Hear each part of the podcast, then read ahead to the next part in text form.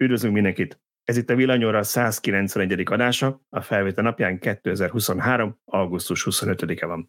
Szokásos hármas felállásban vagyunk itt, Antolóci Tiborral a főszerkesztőnkkel. Szia Tibor! Sziasztok! És Szűcs Gáborral, vagy ahogy jobban ismertek, Szöcskével. Szia Gábor! Sziasztok! Én pedig Bíró Balázs vagyok. Hát a nyárnak lassan vége, és nem hagytunk ki szerintem egy adást se, úgyhogy ennyit arról, hogy lesz nyári szünetünk, nem volt. És nem is tudunk tartani, mert ugye uborka szezonnak kéne lennie, de annyi hírünk van, hogy szerintem most is épp, hogy bele fogunk férni be a bruttó egy órába. Úgyhogy mondom is, hogy mi mindennel készültünk. Lesz villanyautós találkozóról egy kis ízelítő vagy némi promó, aztán beszélünk a napelemes elszámolásról, vagy miért nem beszélünk róla. Aztán akugyárak, téma körében akufeldolgozó balesetek, minden, ami a héten volt hír, vízigény, ha már akugyártásról beszélünk, Giga Berlinből kaptunk híreket, autópiac, hogyan alakulnak az autó árak, most erről fogunk kicsit beszélni, aztán új Teslák jönnek szeptemberben, és robotaxik San Franciscóban. Ez így a rövid témánk, aztán persze nagyon sok szuperköszi lesz, de mielőtt bármit is mondok, és az urak megszólalnak, kérünk titeket, hogy aki nézi ezt, az lájkolja, iratkozzon fel, kommenteljen, akármilyen platformon is fogyasztja ezt a tartalmat, nekünk nagyon sokat segít, hogy minél több emberhez eljusson, meg tudjuk, hogy mit gondoltuk, úgyhogy előre meg utólag is köszönjük mindenkinek. És nem kerül semmibe. Ezt mindig elmondod, de ebben nem vagyok biztos. Ezt, ezt, ezt, ezt, ezt amerikai podcastokban, meg YouTube videóban szoktam látni, hogy kihangsúlyozzák, hogy teljesen ingyenes. Semmi igen, de erre szokták rámondani, hogy ami ingyenes, ott te vagy a áru, vagy a termék. Te vagy a termék, ilyesmi. igen. igen. Most Igazából csak a YouTube-nak ezt nem el. szokták bemondani az amerikai YouTube videóban, meg podcastokban, hallgass már több ilyet. Mert ők buták. Igen, vala, valaki a Google székházában hogy simogatja a macskát, tudjátok a fotelben, hogy jön, jön be a pénz. Na jó, ha már erről van szó, szeretnénk kicsit megváltoztatni a sorrendet, mert most a adás elején fogjuk megköszönni mindenkinek, aki szuperköszivel támogatta az adást, ugye a YouTube-ban van ilyen kommentre lehetőség, ami továbbra sem követelmény, de nagyon szépen köszönjük mindenkinek, aki egy pár száz vagy pár ezer forinttal megtámogatott minket, és olyan sokan voltatok, hogy veszek egy nagy levegőt, és megpróbálom felolvasni, pláne, hogy, pláne, hogy user nevek vannak, úgyhogy némelyik picit kihívás lesz, de tartsatok. Szerintem ne próbáld meg nagyon kitalálni a usernépől, csak olvast fel a felhasználó nevet. Mert... Az sem mindig egyszerű, de oké. Okay. Tehát van nekünk egy olyanunk, és nagyon köszönjük így utólag is. Ja, és ez nem sorrend, nem, nem olyan sorrend, hogy a YouTube feldobta nekem jó, tehát nem összeg vagy fontosság, mindenkinek egyformán köszönjük. Sándor Varga 2231, Robert Tülkös 1133, Kerceréce, hát nem egyszer, ezt ki sem tudom olvasni, 187, pedig rendszeres hallgatónk olvasunk. Heller Laci, Zoltán Pocsai 1162, az elmaradhatatlan Jakab Hajdok László, aki mindig megköszöni nekünk, NGNR 51, Ernő Nagy 1948, Dávid Frankenberg 9569, Ferenc Verasztó 76, Dorox Joinery, azt hiszem, 6755, és Grozi, de oda is itt a nevét, hogy Grozner Dávid, úgyhogy nagyon szépen köszönjük mindenkinek, aki támogatta az adást. Szerintem a számokat le lehetne az ilyenről hagyni, mert az tippelem, hogy az csak a YouTube teszi oda, nem? Na jó, most akkor talált ki velem, légy szíves, ne, ne csináld ezt, hogy ne, ne próbáljam kitalálni a nevüket, de a számokat hagyjam le, tehát ennyire mindenre nem vagyok képes írítányban azért. Mindegy, a lényeg az, hogy nagyon szépen köszönjük ezeket a támogatásokat. Igen. Szóval, és ha már támogatások, kaptunk egy olyan kérdést is, hogy miért nincs még Patreonunk, és Tibor el fogja mondani, hogy miért van, de miért nincs Patreonunk. Hát az a helyzet, hogy van Patreonunk, de nem használjuk leállítottuk. Próbálkoztunk vele az elmúlt években, és az a helyzet, hogy úgy, ahogy mi azt terveztük, úgy nem sikerült használni, ezért végül is úgy döntöttünk, hogy azt, azt a támogatási formát leállítjuk. A legegyszerűbb ok, ami miatt ezt tesszük, mert nem tudunk extra dolgot kínálni, ami Patreonon általában szokás, hogy aki ott támogató, az kap valami olyan extrát, amit azok nem kapnak meg, akik nem támogatnak, de ahhoz túl pici csapat vagyunk, hogy hogy külön tartalmat tudjunk oda gyártani. Annak még nem sok értelmet látjuk, hogy mondjuk a, a híreket egy fél órával hamarabb kirakjuk a, a Patreonos támogatóknak a, a többieknek meg fél órával később, ez valahogy nem igazán fér bele szerintem a, a, abba a stílusba, amit mi csinálunk, úgyhogy, úgyhogy inkább ezt megszüntettük. Majd lehet, hogy később lesz, de most uh, anyagilag a, a szuperköszi az, ami leginkább működik, hogy támogassátok a munkánkat, hogyha tetszik. Igen, szerintem annyit hozzátehetünk még, hogy minden tiszteltünk azok, akik nagyon színvonalas YouTube tartalmakat gyártanak velünk ellentétben. Nekünk is voltak ilyen próbálkozásaink, és egy időben dolgoztunk egy nagyon jó videós csapat, és hogy tényleg profik voltak. És nagyon jó videók. videók voltak. Nagyon-nagyon jók voltak. Nem miattunk, hanem mert ők nagyon jó videókat Elsősorban nem miattunk, de, de ugyanazok a tényleg színvonalas vágóképek, meg, meg zene, ütemre, minden, ahogy azt kell, ahogy ma trendi, egy a baj vele, hogy ez egy roppant költséges műfaj, és annyit nem hozott vissza, hogy ez megéri, akár az időbefektetést, akár a pénzbefektetést, úgyhogy erre volt eredetileg szerintem a Patron kitalálva, vagy talán ezt kicsit meg tudja támogatni, de ahhoz meg az kevés volt azt mindig el szoktuk mondani, hogy mi alapvetően egy weboldalt csinálunk, és a nem létező szabadidőnkben gyártunk különböző videós tartalmakat pluszba, amit láttok néha egy youtuberektől, hogy kiraknak hetente egy-két videót, az akkor ők egy-két hétig dolgoznak, tehát mondjuk egy hétig dolgoznak egy videón, vagy mondjuk két videón egy hétre, az egy full-time munka szerintem, hogyha színvonalasan akarod, nem csak gagyit. Abszolút. Úgyhogy nagyjából ez a magyarázat. De Na ha gagyit ennyi... akarunk, akkor nézzétek meg a TikTok csatornánkat, ott én rendszeresen teszek fel hozzám méltó gagyi videókat. Nekem ne sincs töltve a TikTok. Azt várom, mikor tiltják le, és elmondom, azért nincs letöltve, mert le van tiltva az App Store-ban. Igen, tehát ott éreztem, hogy elment nekem a vonat így a mai generáció, vagy a TikTokot már nem értem, hogy ebben mi a jó. Még, még így a YouTube-bal még tudtam lépést tartani, de a TikTok az már sok. Na jó, szóval következő, nem is tudom, mi legyen a következő. Igen, azt beszéltük, hogy akkor kezdjük, kezdjük kicsit a Miskolc promóval, ugyanis lesz nekünk egy újabb villanyutos találkozónk, és Szöcske ezt általában te szoktad szervezni a Miskolcit, úgyhogy kicsit mesél nekünk erről, hogy mi várható. Most is én szervezem a Miskolcit, a Miskolc tapolcai Ellipsum élményfürdővel együttműködve.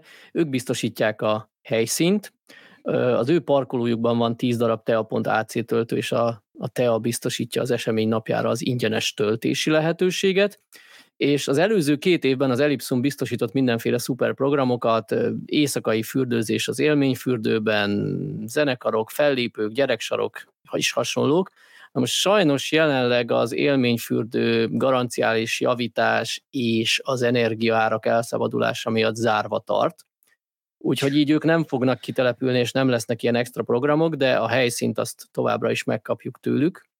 És hát bevallom őszintén elég későn lett biztos ez, hogy megrendezzük ezt a rendezvényt, úgyhogy ezért, ezért is egy héttel előre tudok most promózni, tehát gyakorlatilag amikor ez az adás kikerül, rá kereken egy hétre tartjuk ezt a találkozót szeptember másodikán, a már hagyományosnak tekinthető elektromos gokárt bajnokság az úgy néz ki, hogy meg lesz tartva, vagyis igazából tőletek függ, mert a, a pályára kaptunk délután háromtól időpontot pályabérletre, de hogy ehhez, ehhez, hogy megtartsuk, vagy megtarthassuk, az kell, hogy legalább egy ilyen 15 ember jelentkezzen, hogy legyen értelme ott kibírálnunk a pályát és gokártozni. Az oldalunkon megjelent cikkben van egy űrlap, ebben fontos jelentkezni. Mindenki jelentkezzen, mindenki regisztráljon az is, aki csak a találkozóra jönne, mert a sorompóval lezárt parkolóhoz használatához, ingyenes használatához le kell adnunk a rendszámlistát, de aki gokártozni szeretne jönni, ő hétfő délig mindenképpen regisztráljon, úgyhogy ez most extra sürgős. És hát azt be kell vallanom, hogy sajnos így ilyen mindenféle extra programok, fellépőkre ne számítsatok, mert az idő rövidsége és, a, és az elipszum bezártsága miatt ezek most idén elmaradnak, de ettől a találkozó nagyon jó hangulatú lesz, rengeteg tapasztalatot lehet cserélni egymással, úgyhogy gyertek bátran lelkesen. Lesz most kitelepülő cég Miskolcról? Hát még ezt sem tudom, mert korábban ugye a dátumot már nyár elején egyeztettük az Elipsummal, és én akkor megkerestem a tavalyi kiállítókat, és kaptam pozitív visszajelzéseket, csak aztán emiatt, hogy, hogy szerintem talán az is bizonytalan volt, hogy mikor tud újra megnyitni az élményfürdő, emiatt így az további tárgyalások elhúzódtak, és csak most tudtam válaszolni ezen a héten a cégeknek is, és még erre nem kaptam választ, hogy hm. ilyen utolsó pillanatosban ők ki tudnak-e jönni. Úgyhogy nem ígérek semmit. Elképzelhető, de inkább ne számítsatok rá. Mondjuk a jó dolog az, hogy a résztvevők is rengeteg különféle autóval érkeznek általában, úgyhogy tényleg egy nagyon széles spektrumon lehet megnézni a, villanyautókat, meg adott esetben, hogyha erre lehetőséget ad a, a, a tulajdonos, akkor menni egy kört vele ott a, a környéken, tehát hogy nyilván ez, ez a tulajdonoson múlik, tehát ezt senkitől nem szabad elvárni, de, de mesélni nagyon sokan tudnak az autójukról. Érdekességekről annyit tudok elmondani, hogy Gergely Sanyi már regisztrálta az átépített elektromos Trabanttal, tehát a kispiros Trabi az idén is itt lesz. Ő lelkes és biztos szívesen megmutatja a részleteket, a kis műszaki apróságokat. Az elektromos Porsche még nem regisztrált, de ő minden éven itt szokott lenni, úgyhogy reménykedem, hogy ha egyéb programjuk nincs, akkor akkor ők is eljönnek Balogh Gáborék, illetve Molnár Norbit fűzöm, már így kimegy adásba, és akkor lesz rajta nyomás. Ő belevágott egy szép kék Peugeot 406 kupé elektromosításába, de sajnos még dízelmotor van benne, de én fűzöm, hogy, hogy, hogy hozzuk le esetleg utánfutóna már összevásárolt alkatrészeket, a villanymotort, az akut, stb. és akkor ezt itt be lehetne mutatni, hogy ez a kiinduló állapot, és ha, ha ezt így megpromózzuk, meg most már megpromózom, akkor Norbira kerül egy nyomás, hogy igenis haladjon ezzel a projekttel. Hát figyelj, ha hossz számot, akkor össze is rakjuk neki az autót. Dízellel jött, villanyjal megy haza. Ez legutóbb is jól működött a, a villanyautósok.hu csapatépítőn. Bördének az autóját megjavítottuk, úgyhogy szerintem nem lesz. Bördének Bördének milyen autója van? Bördének a, a, uh-huh. a mhm. Taxi Leaf. De azt Mert... honnan, honnan vette? Hogy, hogy, hogy így elromlik, hogy... Hát nem romlik el, csak nem lett befejezve a felújítása, és Pedig azon poénk... befejezzük. Igen, azon poénkodtunk, hogy az a világ legjobban dokumentált használt autója, mert az oldalainkon minden egyes mozzanat le volt írva, hogy mi lett benne cserélve, mi a baj, mi a nyavajája. De, de már ezért a pozícióért nagy versenyben van a Tesla Model x -el. Hát figyelj, és valahogy szöcskézködhetünk mindegyik, én nem, nem akarok itt újra mutogatni, de mégis.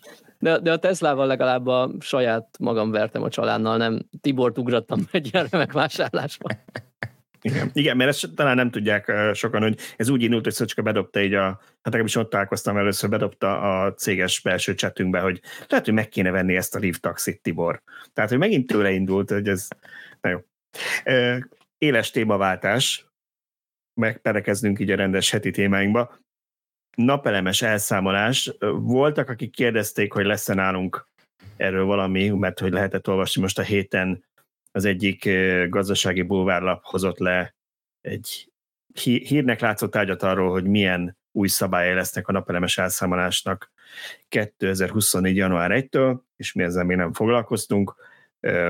Hát Tibor biztos megdorgál minket, hogy miért nem foglalkoztunk vele. Én személy szerint azért nem írtam róla, mert van vele, hogy nulla az információ tartalma, tehát hogy semmit nem lehet tudni, tényleg csak abszolút találgatás, és nem akartam így feltétlenül ijesztegetni az embereket, elég akkor megrémülünk, amikor december 31-én 11 óra 50-kor kijön majd a hír.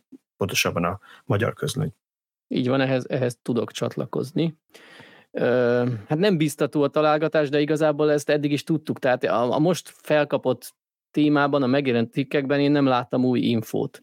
Tehát arról van szó, akkor már, hogy mondjuk el, amit már mhm. korábban mi is megírtunk, azt hiszem tavaly, hogy megjelent a közlönyben, hogy 2024. január 1-től nem lesznek új szaldós napelemes rendszerek, illetve a meglévő rendszerek maximum 10 évig, a telepítéstől, nem 24-től, a telepítéstől számított maximum 10 évig maradhatnak szaldóban.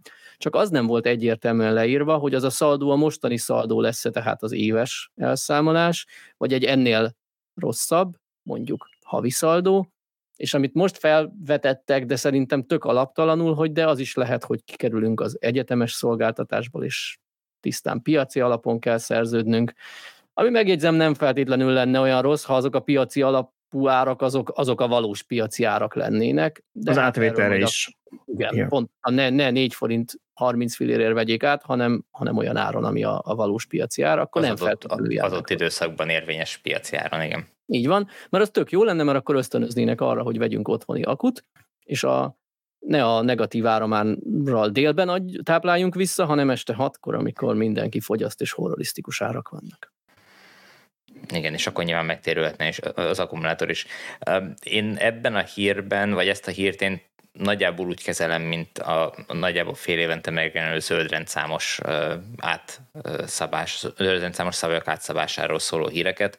Uh, bizonyos Ja, hogy elveszik lapok, a plugin hibridektől az zöldrendszámot, erre gondolsz fél évente beszokták dobni ezt a, ezt a hírt, hogy de most már aztán nagyon dolgoznak a szabályok módosításán, és el fogják venni ettől, attól, amattól, meg így fog módosulni, és igazából semmit nem tudnak. Jó esetben megkérdeznek a minisztériumi sajtóosztályt, és a minisztériumi sajtóosztályról meg visszaüzenik, hogy igen, dolgoznak rajta. Nyilván mutatni kell, hogy valami, valamiért valami ott vannak, dolgozni. tehát hogy igen, tehát hogy történik valami, de gyakorlatilag, hogyha visszanézzük ezeket a híreket, akkor 2006 óta, amik 16 óta, amikor bevezették a, a zöld rendszámot, azóta folyamatosan dolgoznak azon, hogy módosítsák, pontosítsák ezeket a szabályokat, vagy szigorítsák a feltételeket. Tehát, hogy um, majd, hogyha megjelenik, vagy majd, hogyha hivatalosan uh, javaslatra kikerül az oldal, vagy megvitatásra kikerül a, a, a jogszabály, akkor beszélhetünk róla, addig teljesen fölösleges hangulatkeltés, úgyhogy ezért nem írtunk róla. Egyébként visszatérve erre, hogy, hogy, hogy most akkor ezt mennyire kell komolyan venni, én abban nem vagyok csak biztos, hogy ez nem egy teszt üzem volt hogy így bedobtak valamelyik Szerintem médián keresztül valamit, és így tesztelgetik, hogy mire a reakció, mert ugye ilyet általában így, ha valami mocsol dolgot be akar vezetni bármelyik országban a politika, azt a legtöbbször nyáron szokta megtenni, pláne augusztusban, amikor mindenki nyaral, nem foglalkoznak az emberek semmivel, ki van ürülve a város, és nem igazán veszik észre, hogy valami történt, úgyhogy így, így még lehetett is volna hasonló, de, de egyelőre nem tudunk semmit. Ha tudni fogunk valamit, természetesen megírjuk, ahogy tettük ezt korábban is. Ez a Három. szondázás, ez nem annyira alaptalan, Tibor. Gondolj csak bele, hogy tavaly hogy volt a, a rezsicsökkentés, csökkentés bevezetése. Először megírta nem, nem emlékszem, hogy melyik lap, hogy 700 forint is lehet egy kilovattóra energia, majd kiállt a kormány, hogy 37-ről nem 700-ra, csak 70-re emelkedik. És Igen, már is mindenki azt... boldogan vette tudomásul a duplázást, mert nem 20-szoros lett. Igen, ez, ez igaz, de ott a 700 forintot valamelyik politikus mondta el nyilvánosan, és ez abból, abból fakadt. Itt pedig csak egy sajtó hírről van szó, amit nagyon jó érzékkel tudták, hogy rengetegen rá fognak ugrani, hogyha, ha egy ilyen találgatást megírnak, de, de semmi alapja nincs. Tehát nincs egy nyilatkozat, egy politikusi, politikusi nyilatkozat mögötte, nincs egy minisztériumi kiszivárogtató anyag mögötte, semmi nincs mögötte. Csak egy találgatás, hogy hát lehet ez is. Vagy megkérdeztük a minisztériumot, és azt mondták, hogy dolgoznak rajta. Tehát, hogy mm, tulajdonképpen a nagy semmiről szól ez az egész, és ezzel keverték fel, a, vagy kavarták fel az állóvizet. Na jó, így is többet beszéltünk róla, mint amennyit a téma érdekel ebben ja, ez volt az, amelyik, amelyik két mondatos volt? Megmondtad az elején, hogy két mondatot szabad csak... Jó. És okay. mit mondtam utána, Tibor? Ismerem magunkat, úgysem két mondat lesz. Oké. Okay.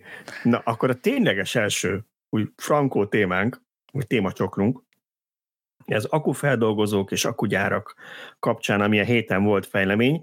Hát volt egy nagyon érdekes hírünk, ez a bátonyterenyei akufeldolgozó, amiről már többször beszéltünk mi is, hogy nagyon sokszor megbüntették, és hát többször cinikusan megjegyeztük, hogy lehetséges, hogy 13 perci működésének megfelelő büntetés sikerült már megint kiszabni, és hiányoltuk azt, hogy de miért nem csapnak tényleg oda, mert az fájna nekik legjobban, hogyha le kéne állítani a működést, felfüggesztenék, és nem ilyen himi-humi tízen pár milliós büntetéseket szabdának ki. Na mit adj Isten? Hallgatják a villanyórát. Ugye? A hivatalban is.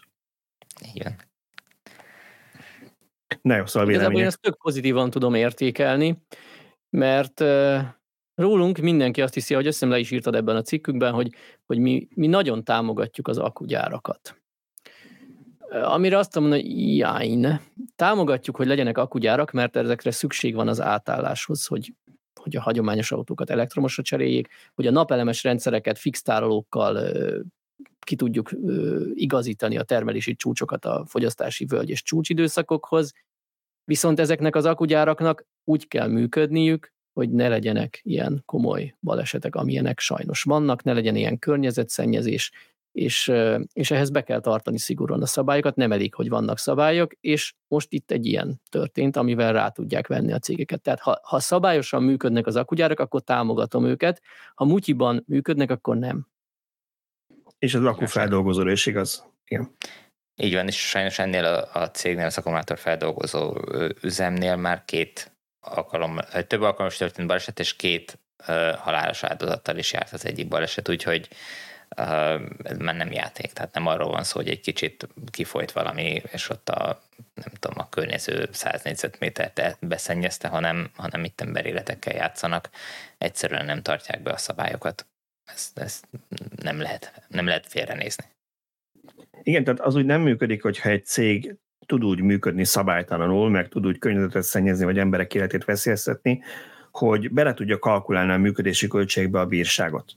Hogy legfeljebb megbüntetnek pár millió forintra, átszámolom mennyi az dél-koreai rubelben, von, nem tudom, von. mi van a von, köszönöm szépen, vagy dollárban, és azt mondja a könyvelünk, hogy ez egy kerekítési hiba, sokkal olcsóbb ez nekünk, mint hogy betartjuk a szabályokat, ennek így semmi visszatartó ereje. Úgyhogy nagyon kíváncsi vagyok, hogy mi lesz ennek a lépésnek a, az eredménye, mert, mert az ember azt gondolná, hogy ha mondjuk akár csak pár hétre fel kell függeszteni a működést, ugye azt mondták, hogy akkor nyithatnak újra, hogyha ha bizonyítani tudják, hogy megfelelnek minden szabálynak, ha ezt tényleg betartatják velük, akkor elvileg nem kéne, hogy utána legyenek incidensek, ezt majd az idő eldönti.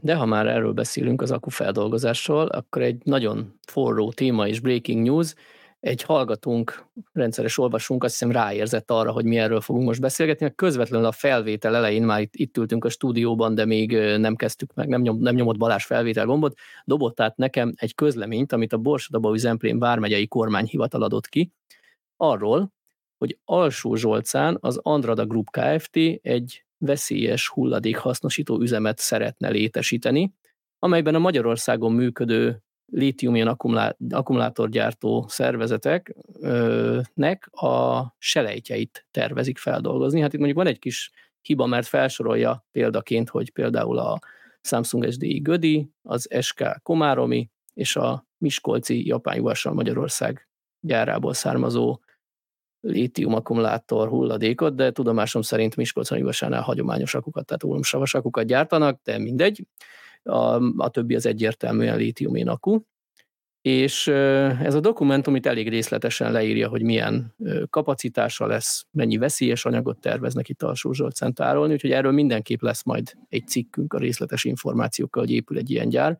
De ha már most hirtelen megkaptuk ezt az anyagot, akkor mindenképp szerettem volna megemlíteni, hogy újabb akufeldolgozót terveznek Magyarországon. Vajon ha ez beindul, akkor újraindulhat a Báton terenyei akkumulátor földolgozó, vagy pedig az akkor végleges bezárásra kerül és átveszi. Mert ugyanazoknak a gyáraknak a, a termékére lő ez a cég is, mint amit a Bálton terenyei. Tehát, vagy a hát elképzelhető, hogy annak a kapacitása nem bírná a teljes mennyiséget feldolgozni, és szükség van még egyre mellette, de az is simán lehet, hogy az a bezárás az már ennek ágyazott meg. Hát az is lehet, hogy a... Cég, egy másik magyar cég, meg Miskolcon szintén épít egy akkumulátor feldolgozó üzemet, tehát ők nem, nem annyira ezekre a hulladékokra, hanem egyéb akkumulátorokra akarnak rárepülni. De hogy tényleg kell majd ennyi akkumulátor feldolgozó üzem most még per pillanat?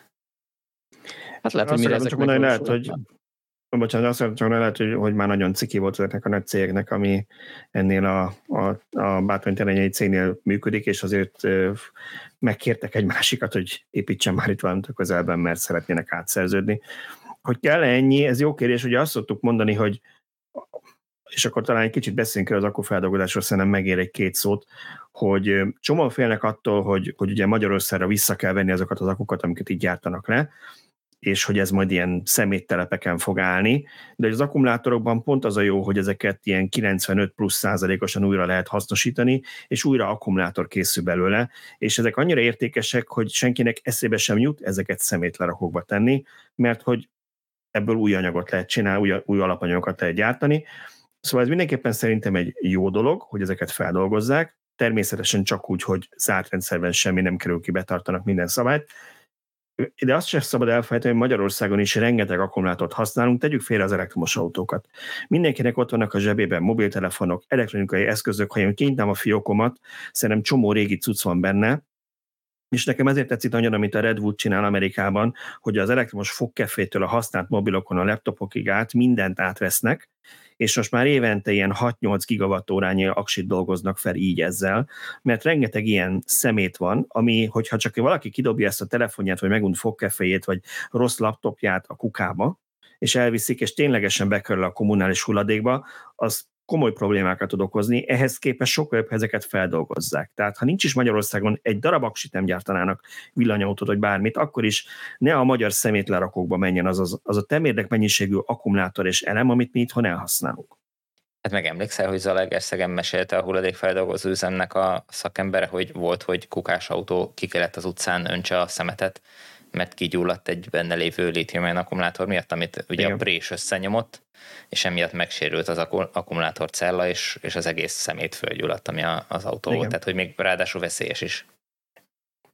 Igen, ami, amit meg mondtál, hogy, hogy, hogy kell ennyi, még annyit akartam erre mondani, hogy ugye a másik, amit szoktunk beszélni, és ez nekem szintén egy picit fura, vagy nekem is fura, inkább így mondom, hogy ugye jelenleg, tehát az akkufeldolgozás, ez, ez rohadt nagy biznisz lesz, iszonyat értékes anyagok vannak az akkumulátorban, tisztított állapotban, tök jó. Viszont jelenleg még nem az. Tehát jelenleg a legtöbb cégnek az a problémája, hogy ugye mindig azt mondták mondani, hogy három évente kell villanyatokba akut cserélni, aztán a fenéket 10 plusz évekig el vannak az autókban, a, villany, a villanyatokban az akkumulátorok, utána meg még mindig bőven jók különböző akár hobbi projektekre, akár energiatárolókra, és Szöcske talán te mutattál múltkor egy ilyen aukciós oldalt, ahol valami 10 perc alatt elment az aksi, amit valaki feldobott, tehát ezekre nagy kereslet is van, de ha majd onnan is kifutnak, akkor lesz itt igazán az akkufeldolgozónak értelme, de addig csak a selejt van a gyártás során. És oké, hogy lesz Magyarországon sok ilyen gyár, de nem is tudom, mit múltkor a, szerintem a CATL-nek volt ugye ez a bejelentése, amiről nem beszéltük szintén elnézést, Tibor kért, és elfelejtettem betenni a kettő vagy három ezelőtti adásba. Ez az új, új LFP akkuja a CATL-nek, ami idén még megkezdik a gyártást, és ő nagyon gyorsan lehet tölteni, és ott ö, használtak egy szakkifejezést, amire rákerestem annó, hogy azt hiszem PPB volt, ha jól emlékszem, a parts per billion, és így mérik, tehát milli, legyártott milliárd darabra, darabra mérik azt, hogy mennyi lehet a selejt. És ezt pont ezzel vagánykodott ott a CAT, hogy hát nekik ők már így mérik enni az újakonál ezt. Tehát, hogy oké, okay, hogy nagyon-nagyon sokat gyártanak ebből, és valamennyi biztos van, de hogy valószínűleg azért annyi nincs selejt, hogy ennyi cég megéljen belőle ez a selejtkérdés, ez egy nagyon érdekes dolog, mert nagyon nehéz definiálni pontosan a selejtet. Tehát amiről ők beszélnek, az a legvégén, a legutolsó ellenőrzésnél kibukó selejtarány. Tehát amikor le van gyártva a cella, és az utolsó méréseket végzik rajta, és szerintem az a nem tudom hány milliárdból egy, ami kibukik, az a, ők azt, azt nézik. De az, hogy menet közben, amikor ők mondjuk a, kivágják a tekercsből az adott méretű szalagot, amiből utána egymásra rakják a, a, az alonodott katódot, és, és összecsomagolják, hogy ott ezeknél a lépéseknél, amik, amik kiesnek, vagy akár már a tekesnek a, bevonatolásánál, hogyha, hogyha bármi hiba történik, mondjuk végighúz egy, a közepén egy, a, a gép egy, egy csíkot, és csak mit tudom én, fél óra múlva veszik észre, az alatt nem tudom hány kilométer ilyen szalag átmegy, akkor az az egész tekercs kuka gyakorlatilag. Ezt nyilván ebben nem számolják bele, és ott azt uh-huh. szintén ugyanúgy föl kell dolgozni. Mondjuk egyébként ezeknek a feldolgozása valószínűleg a leggazdaságosabb ezeknek a feldolgozóknak, hiszen nem kell darálni, vagy legalábbis nem kell a, a Nem kell szétbontani az egész szaksit.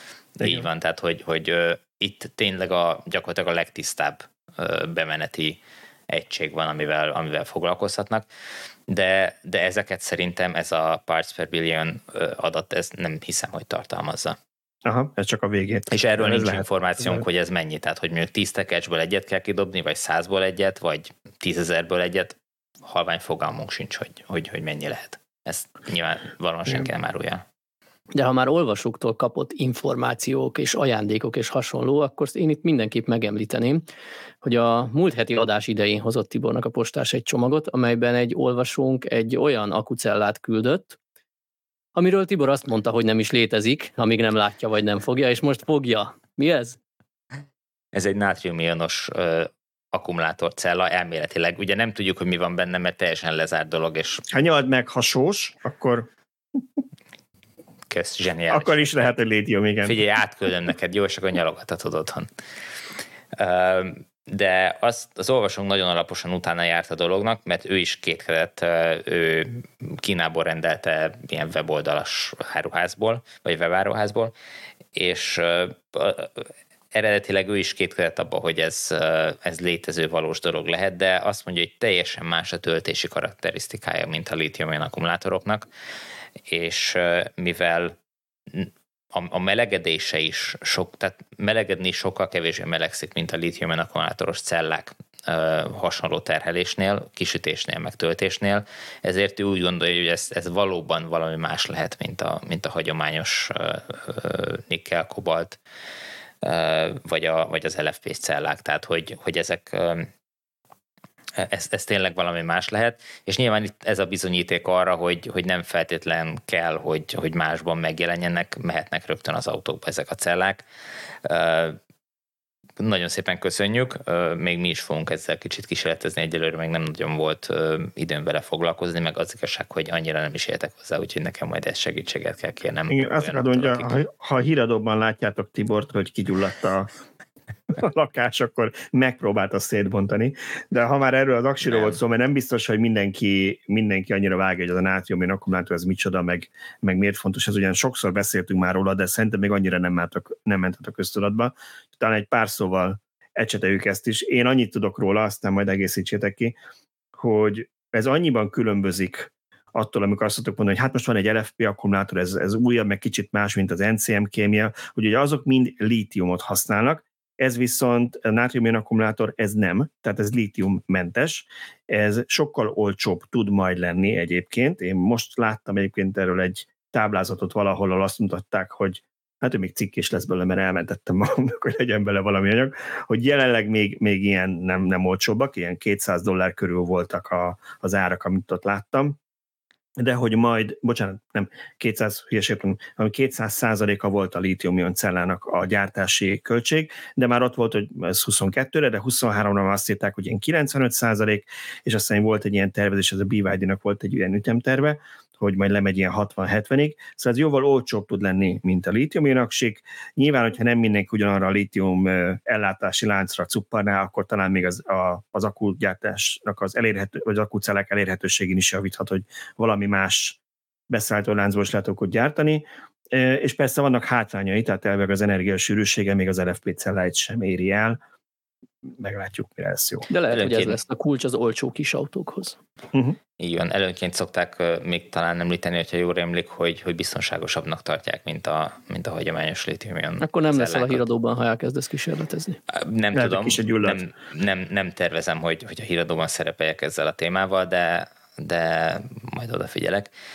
Um, ugye azt mondják, akik értenek hozzá, hogy, hogy ugyanaz a, tehát a lényeg az, hogy ugyanazzal a technikával, technológiával gyártható, mint most a hagyományos lítium akkumulátorcellák, tehát hogy kis túlzással csak a lítium ion helyére kell a nátrium iont betenni a, a, a rendszerbe, és, és onnantól kezdve ez működik. Nyilván a, a gyártás fölfutása, meg az, hogy most drágábban tudják gyártani, jól mutatja, hogy nem ennyire egyszerű a dolog, mint ahogy mi most elmondtuk, de nagy valószínűséggel fölskálázható a gyártás arra a szintre, ahol tényleg olcsóbban lehet már ezeket készíteni, és még hogyha kisebb is lesz az energiasűrűsége, mint a litium akkumulátoros cellák, akkumulátoroknak, azokba járművekbe vagy energiatárolókba, ahol ez nem számít, mert mondjuk eleve kicsi autó kis hatótávolsággal, vagy fixen telepített akkumulátoros energiatároló, ott ez jól kiválthatja a drága, vagy hát ehhez képest relatíve drága litium akkumulátorokat. Uh-huh. Viszont okay. ha hasonló a gyártás technológiája, akkor valószínűleg nem küszöböli ki a veszélyes oldószer az NMP-nek a használatát, alkalmazását. Hát ezt nem tudjuk még, de ott nyilván, hogyha ha ezt vagy ennél is át tudnak a száraz elektrodás gyártásra állni, akkor akár ki is küszöbölheti, de erről még így ilyen információnk nincs. Igen, ez azért, azért volna jó ezt kiküszöbölni, mert ez egy valós probléma, nem csak a gödi kutakban találták meg, hanem most Amerikában is. Igen, az LG-nek, LG-nek és a, bocsánat, teljesen, teljesen korrekt lenne, az LG-nek és a GM-nek van egy közös gyára, mert az Ultium ez egy közös projektjük, és ugye talán aki olvassa az oldalunkat, azt tudja, hogy a GM autók, General Motors itt Magyarországon nem annyira ismertek, mert már Opel nincs, meg akkor sem mindenki tudta, hogy mi ez a GM, mert Opel volt, de, de ugye Amerikában az egyik legnagyobb márkának számít, és egy saját Ultium Fantasia névre keresztelt akutcella gyártásába kezdtek az LG-vel közösen, most már egy gyáruk üzemel, de 2024-ben nyílik a második, 26-ban a harmadik. És az első gyárban történt a múlt hétvégén egy baleset, a keverő gépnél valami nem, nem sikerült jól, és a katódnak az anyagai ki vagy szétspricceltek ott a, a földre, amennyire látjuk a képeken, sőt, még egy képem is van, mindjárt be is teszem, hogy aki YouTube-on néz, az lássa. Nem túl nagy a felbontása, de ez került ki a gyárból. És ez a fekete trutyi, amit itt láttok a képen, ez igazából az aktív anyagok a katódban, tehát a lítium mellett a kobalt, a mangán, az alumínium, attól függ, hogy épp ez milyen kémia volt, ezt így meg nem mondjuk.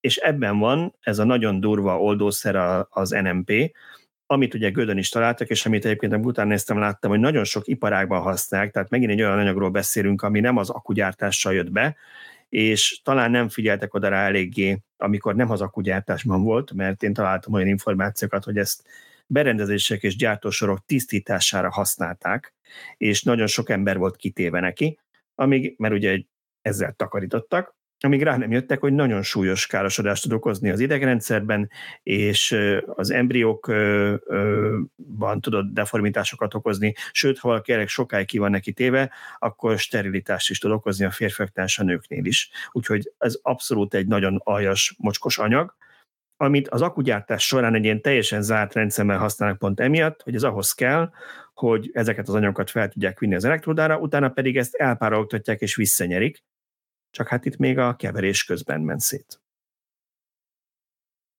Egyébként csak egy érdekesség, hogy Kun Robert, aki volt adásban is vendég nálunk, lítium akkumulátorokkal, illetve szilárdtest akkumulátorokkal kísérletezik itt Magyarországon az egyetemen.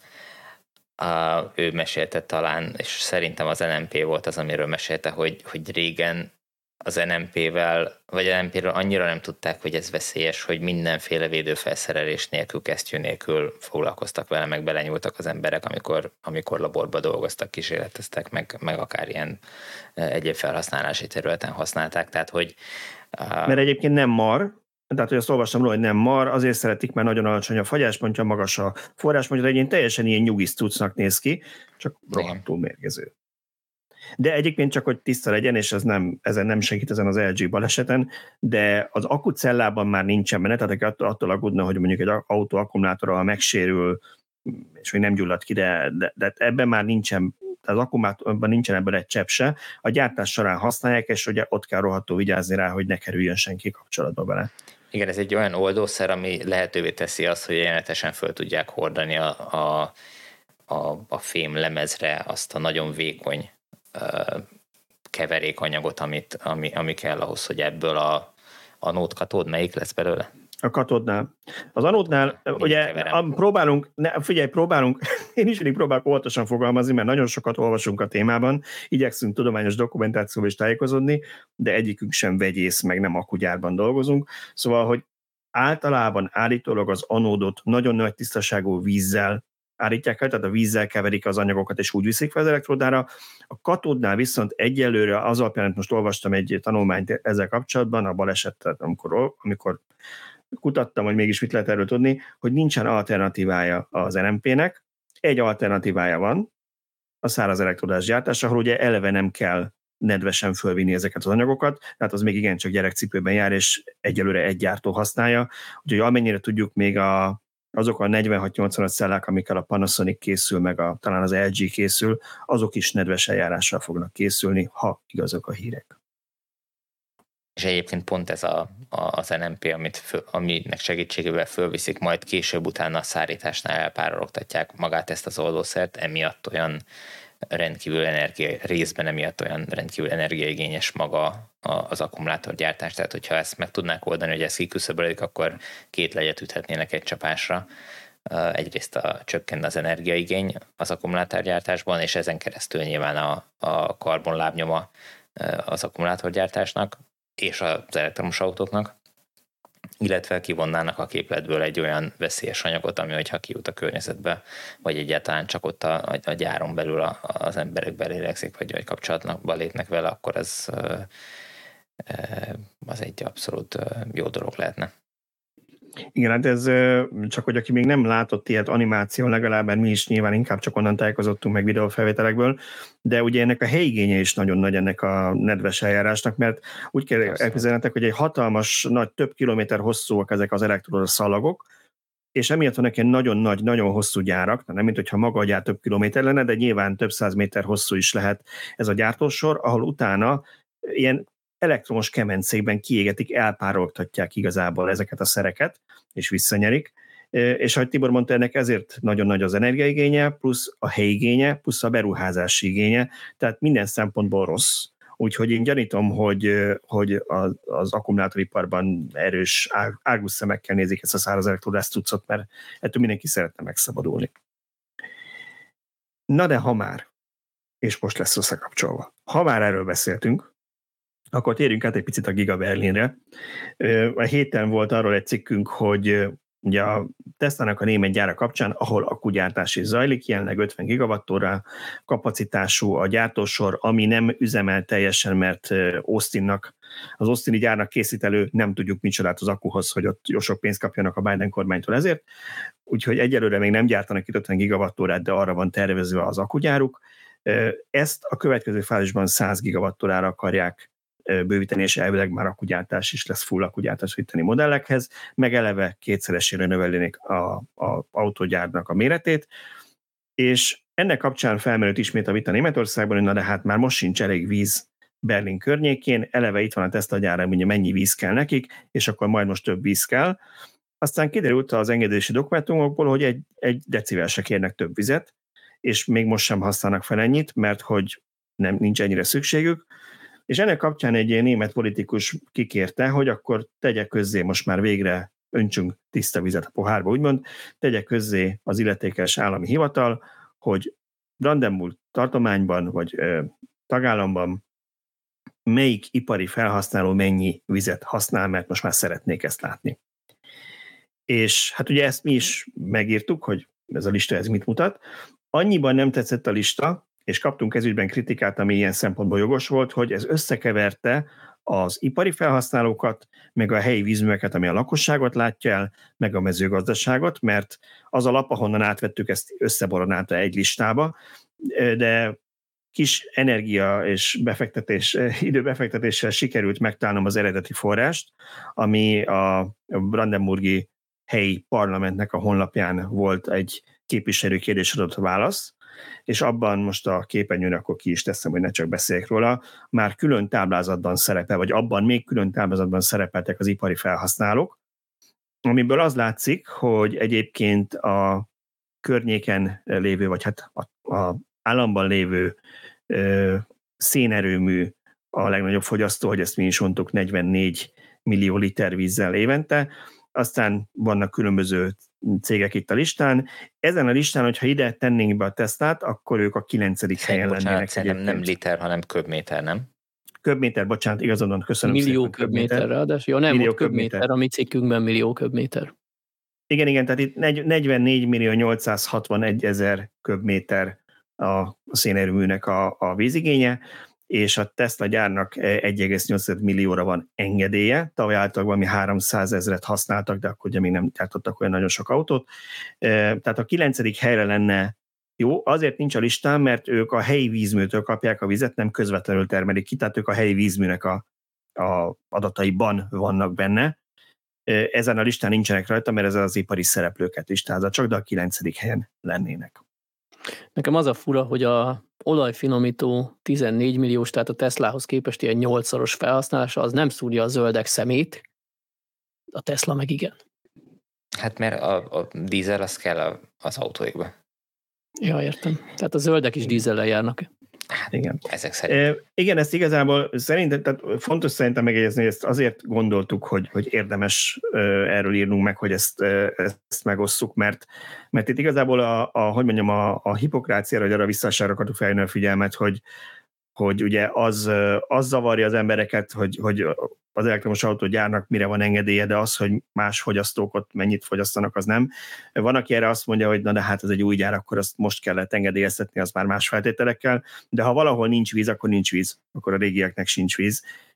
És itt még egy apróság, apróság van, hogy ezen a táblázaton látszik, itt külön van véve a GW-vel jelölt sor, ami a, a talajvizet jelenti, az a Grundwasser, és van az OW, az pedig a felszíni víz, és nem egyforma ez, tehát például a, a szénerőmű az talajvizet nem használ, hanem felszíni vízből nyeri, és van, aki erre azt mondja, hogy hát akkor ez kvázi nem is számít. Én nem vagyok vízügyi szakember, én ezt ilyen határozottan nem merném kijelenteni, hogy akkor a, a szénerőműnek nem számít a vízigénye, mert ha valahol szárazság van, akkor szerintem a, a, a talaj feletti vizek is ez, számítanak, nem ez, csak a... Ez mit, ez hogy kell érteni, hogy a folyóból veszi ki, és akkor már az felszín. Nem tudom, fogalmam nincs. Hát gondolom, hogy tavak, folyók, ilyesmi, nem tudom. Hmm. Lehet, hogy folyók, igen. Igen.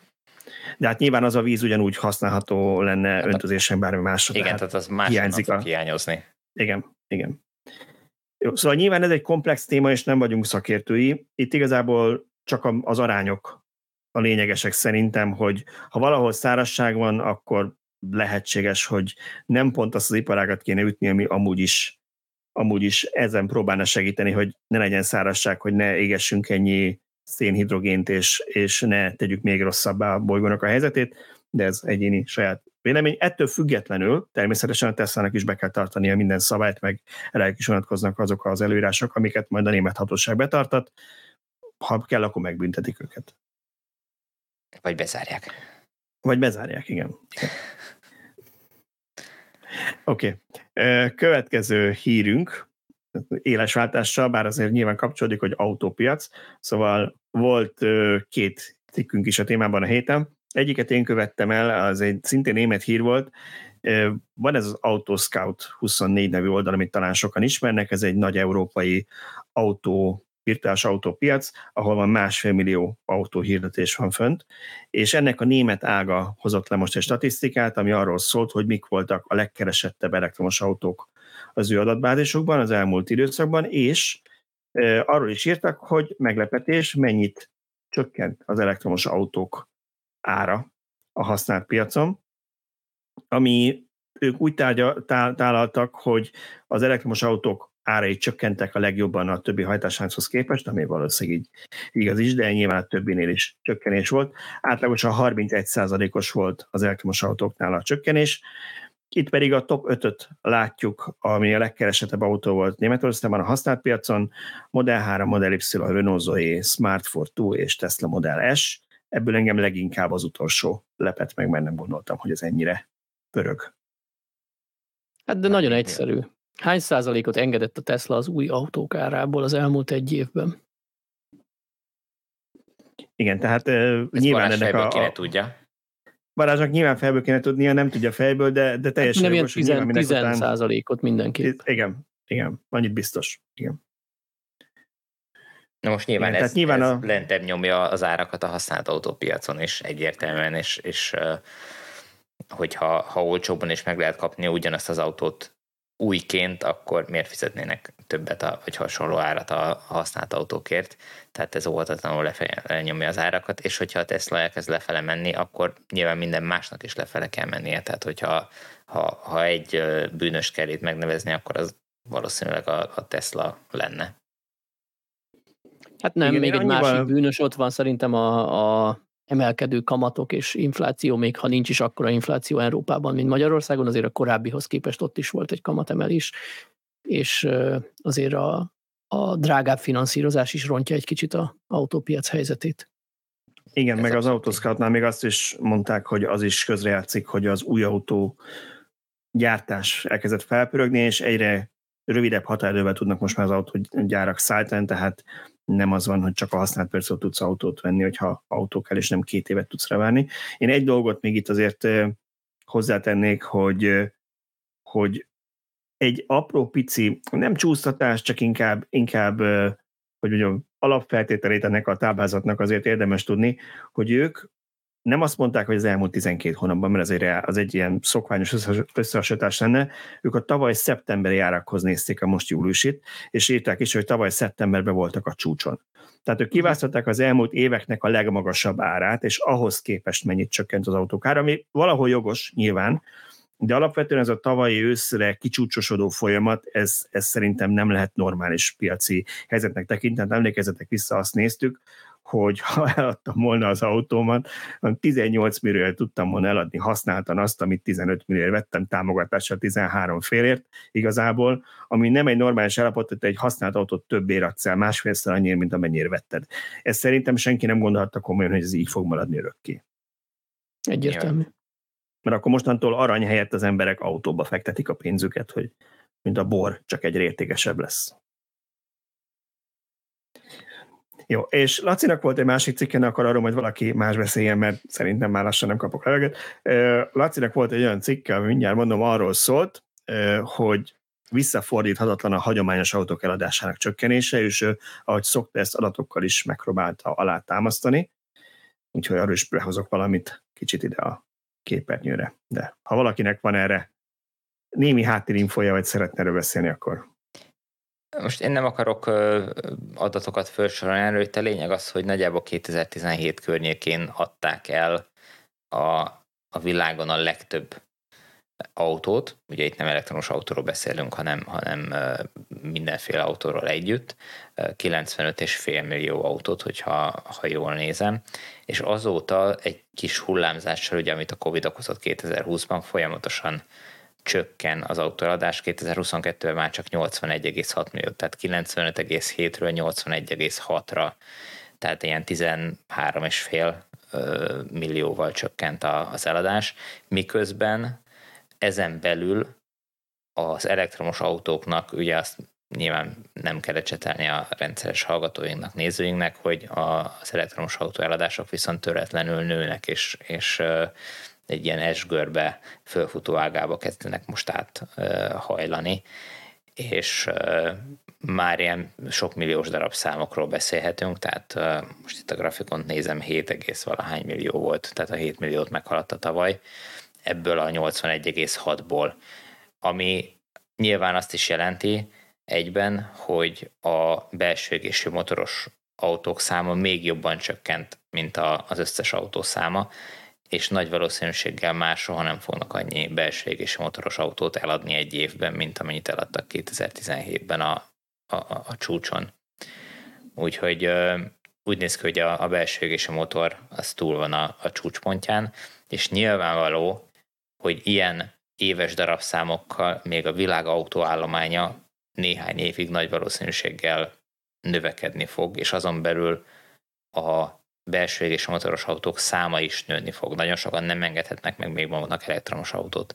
De el fog majd jönni egy pillanat, nem is olyan távoli jövőben, amikor már annyira nem fog akarni senki belség és motoros autóval járni, hogy, hogy, és annyira sok használt autó lesz elérhető a, a piacon, hogy, hogy aki csak teheti, az, az el fogja kezdeni kivonni a forgalomból, meg, meg, meg, meg félrerakni a belső és motoros autóját, és inkább nem használja, hanem, hanem elektromosra fog átülni, vagy elektromosra fog átülni, és ez egy nagyon drasztikus, nagyon gyors változás lesz. Amihez leginkább Igen. a Tesla tesz hozzá azzal, hogy két új modellje is jön szeptemberben. Bocsánat Balázs, ha még szerettél volna valamit hozzáfűzni. Igen, annyi. Ez, ez, ez Szöcske lezárt ezt a témát. Ez a, ennyi, nem érdekli tovább. Én annyit akartam csak hozzátenni ez, hogy, hogy tudom, hogy sokaknak ez, ez még mindig ilyen nagyon távolinak tűnik, vagy, vagy nem hisznek ebben, hogy hát ez mert, hogy megakad ezen a szinten, és akkor, és akkor nem megy tovább ez a növekedés, hogy miért gondoljuk mi azt, hogy ez majd erről tovább fog menni. Itt azért két dolgot mindenképpen figyelembe kell venni. Egyik az az, hogy amiről Tibor is beszélt, meg ezek, az, ezek a arányok, az a 10 ezek globális számok. Ha és tavalyi számok. Ugye akkor a növekedésnek a gyorsulása is, hogyha már idén egyes régiókat nézel meg, akkor azt látod, hogy Kínában, ami a világ legnagyobb autópiaca, 25% idén eddig az első fél évben a tisztán elektromos, az már nagyon nem 10, meg nagyon nem 5, Európában is 15 körül van, ha jól emlékszem, és Amerikában, ahol nagyon sokáig tényleg ilyen haldoklott a piac, mert volt a Tesla, aztán nagy szakadék és semmi, ott is elkezdtek emelkedni a darabszámok, és egy év alatt majdnem 50%-kal növekedett az elektromosok eladása. Tehát ez egy egyre gyorsuló folyamat, és ezért mondjuk azt, hogy, hogy ez valószínűleg már át, átbillent az inga, és nem fog tudni megállni. Nem? Igen, úgyhogy ha megnézzük az autógyártóknak a kínálatát, meg a jövőbeni kínálatát, hogy mivel készülnek, senki nem készül belső égési motoros autóval, senki nem hirdeti azt, hogy új jövőre bemutatjuk ezt a, nem tudom, V8-as, akármilyen motoros szuperautót, hanem, hanem azt mindenki arról beszél, hogy milyen elektromos autót fog a piacra hozni. És, és a, a, a következő évben azok az autók lesznek még gyártásban, amiket már amiket a múltban fejlesztettek ki, már újakat nem fejleszt senki, ablakon kidobott pénz, mindenki belátta. Úgyhogy ezek ki fognak futni, nem fognak újakat bevezetni, ezeket még talán addig, ameddig el lehet adni, gyártásba tartják, de nem, nem tovább. És ahogy Balázs is mondta, az, hogy a világ bizonyos pontjain már minden negyedik autó elektromos, az nagyon jól mutatja, hogy, hogy merre tart ez a világ. Úgyhogy és most itt vannak a Laci cikkében a számok, amik pontosan mutatják ezt. Tehát, hogy ez nem csak egy, egy érzés, meg nem csak egy-két szám, hanem itt a globális értékesítési adatok mutatják azt a trendet, amiről már évek óta beszélünk. Hát és az is látszik, hogy ugye az EU-t sokan kritizálták amiatt, hogy hát miért kellett ezt törvénybe vésni 2035, miért nem hagyják a piaci folyamatokat maguktól, ami mindig jót mosolygok, mert mert hát nyilván ennek ugye megvan az, az oka, hogy nem szeretnék, hogy belepusztuljunk a, a városok mocskos levegőjébe, és majd a piaci folyamatok megoldják, csak addigra lehetséges, hogy nem tudom, még pár százer ember meghal különböző légzőszerű betegségekben, de, de ezt félretéve, ugye azt látjuk nagyon sok autógyárnál, hogy és nekem kedvencem mindig a Stellantis, meg, meg Carlos Tavares, aki mindig, ő, ő sír a leghangosabban, tehát ő szerintem előző életében operénekesnő volt, és mindig a hattyú halálát, ahogy tudom, az balett, ne, ne zavarjam össze a kettőt, de hogy mindig el, el, megy a nagy haláláriája, hogy hát ők ebbe tönkre mennek meg minden, aztán ehhez képest rekordprofitokat termel a cége, de ilyen brutál 10 milliárd eurósokat, és, és sorban mutatják be az új elektromos modelleket, és a Stellantis nem 2035-re, 2030-ra tervezi, hogy Európában átállt teljesen elektromosra, és nem ők az egyedülek, hogy a Ford ugyanezt tervezi, bár ők Európában kisebb szereplő, még kisebbet mondjuk azért itt van a, a volvo a Volvo Polestar, nyilván a Polestar most is az. Tehát azért van jó pár gyár, amelyik nem is 35-öt akar megvárni, hanem már 30-ra tervez, senki nem kényszeríti rá őket. 34. december 31-én még be lehetne egy 12 hengeres benzinmotort mutatni, senki nem egy úr. Én azon fogok Én mosolyogni, amikor a jelenlegi legnagyobb ellenzők a legnagyobb rajongókká válnak. És ez azért biztos, hogy meg fog történni, mert azért a jelenlegi hangos ellenzők között komoly autórajongók vannak. És mivel ők autórajongók, ha átállnak, már pedig muszáj ezt előbb-utóbb átállnak, akkor nyilván rajongani fognak majd az akkori saját autójuk iránt is ez nagy többséggel valószínűleg így van, és utána és marad majd az a, egy, egy szűk kör, aki, aki viszont a múltba révedve szeret majd tovább élni, és bütyköli majd a régi autókat, nyilván senki nem fogja nekik megtiltani. Visszatérve egy kicsit a Stellantisra, hogy, hogy én a Stellantis ott is jó példaként szeretem felhozni, mert egyébként tényleg nagyon ügyesek, mert annak ellenére, hogy, hogy megy a sírás rívás, mindig ö, tök jó kijönnek a, a, a dolgokból. De Igen, hogy, bocsáss meg, miért folytatott ez a sírás évást, én mindig úgy folytam magamban, hogy nagyon szeretnék, ha az EU kifizetné nekik az átállást. Oké, okay, de hova akarnak még ennél is többet keresni, mint amit keresnek most így? Tehát, hogy... Igen, bocsánat, ne szakíts meg gondolatban, mondja. Tehát, hogy, hogy ők rengeteg kis autót is tartanak a kínálatban, és jönnek az újabb kis autókkal, ami számra azt igazolja, nyilvánvaló, hogy nem saját maguk ellen dolgoznak, tehát nem azért mutatnak be kis autót, hogy belebukjanak, hanem azért mutatnak be kis autót, mert egyrészt van rá piaci igény, másrészt meg tudják oldani, hogy nyereségesen a gyártásokat. Tehát, hogy, hogy ők nagyon jó példa arra, hogy lám-lám, hogy ha akarjuk, akkor mégiscsak lehet nyereségesen elektromos kis autókat gyártani, mert a Stellantisnak megy és menni is fog nagy valószínűséggel a jövőben. Tehát, hogy ez egy ez így egy jó példa, és még valamit akartam mondani, de nem emlékszem, hogy volt ez.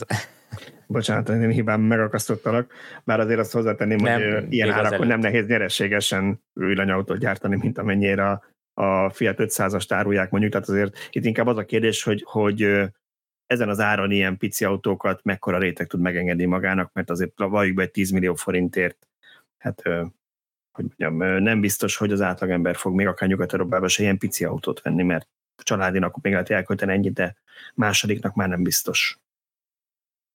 Nyilván, tehát hogy, hogy most egy olyan, olyan piaci időszak volt, amikor ezek mentek, és ezekkel lehetett pénzt keresni, de nagyon jól tudjuk, hogy ez egy folyamat, és ahhoz, hogy eljussunk tényleg abba a fázisba, amikor, amikor relatíve olcsó, egyszerű autókat is lehet uh, elektromosan nyerességgel gyártani, uh, ahhoz, ahhoz előtte kellenek ezek a fázisok, ugyanúgy, ahogy a Tesla-nál is meg volt a modelles fázis, amikor, amikor még a drága prémiumnak nevezett, vagy prémiumnak szánt autót e, tudták csak úgy, ahogy nyerességgel árulni. Prémium áru, mondjuk így, és akkor senki nem fog belépni. Igen, igen, igen. Igen. E, igen. Ha már Tesla, köszönöm szépen, hogy vissza, visszavittél minket a Szöcske által megkezdett, csak általunk elbuktatott sodorba. Ugye volt egy olyan témánk is, hogy új Teslák érkeznek szeptemberben, és ez nem átverés, maximum olyan szempontból átverés, csak hogy hát nem olyan autókról van szó, amikről még nem hallottatok. De az egyik ugye az új Model 3, ami Highland kód néven fejlesztenek, és hát nagyon úgy néz ki, hogy szeptemberben már ténylegesen vásárlók kezébe kerül az autó, amiről inkább csak plegykák vannak még mindig, mint, mint hivatalos információk.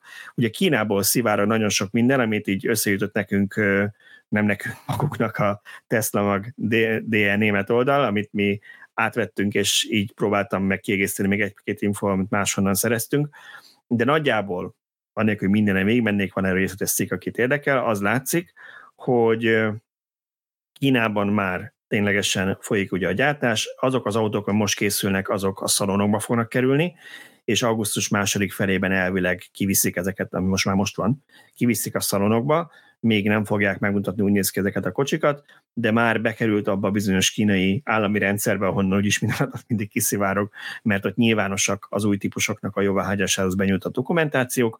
Ez valószínűleg szeptember 10 valahanyadikán szeptember közepén fog megjelenni az aktuális lista, ami már rajta lesz fotókkal az autó, úgyhogy nem kizárt, hogy még azelőtt a Tesla ezt megelőzően bemutassa, és szeptember második felére, tehát szeptember 15 után pedig azt mondják, hogy már a vásárlók kezébe fog kerülni legalábbis Kínában az autó, és már vannak olyan Tesla szalonok, amik így, hát nem tudom mennyire hivatalosan, vagy fű alatt, de fogadnak előrendeléseket ezer jön ellenében az új változatra.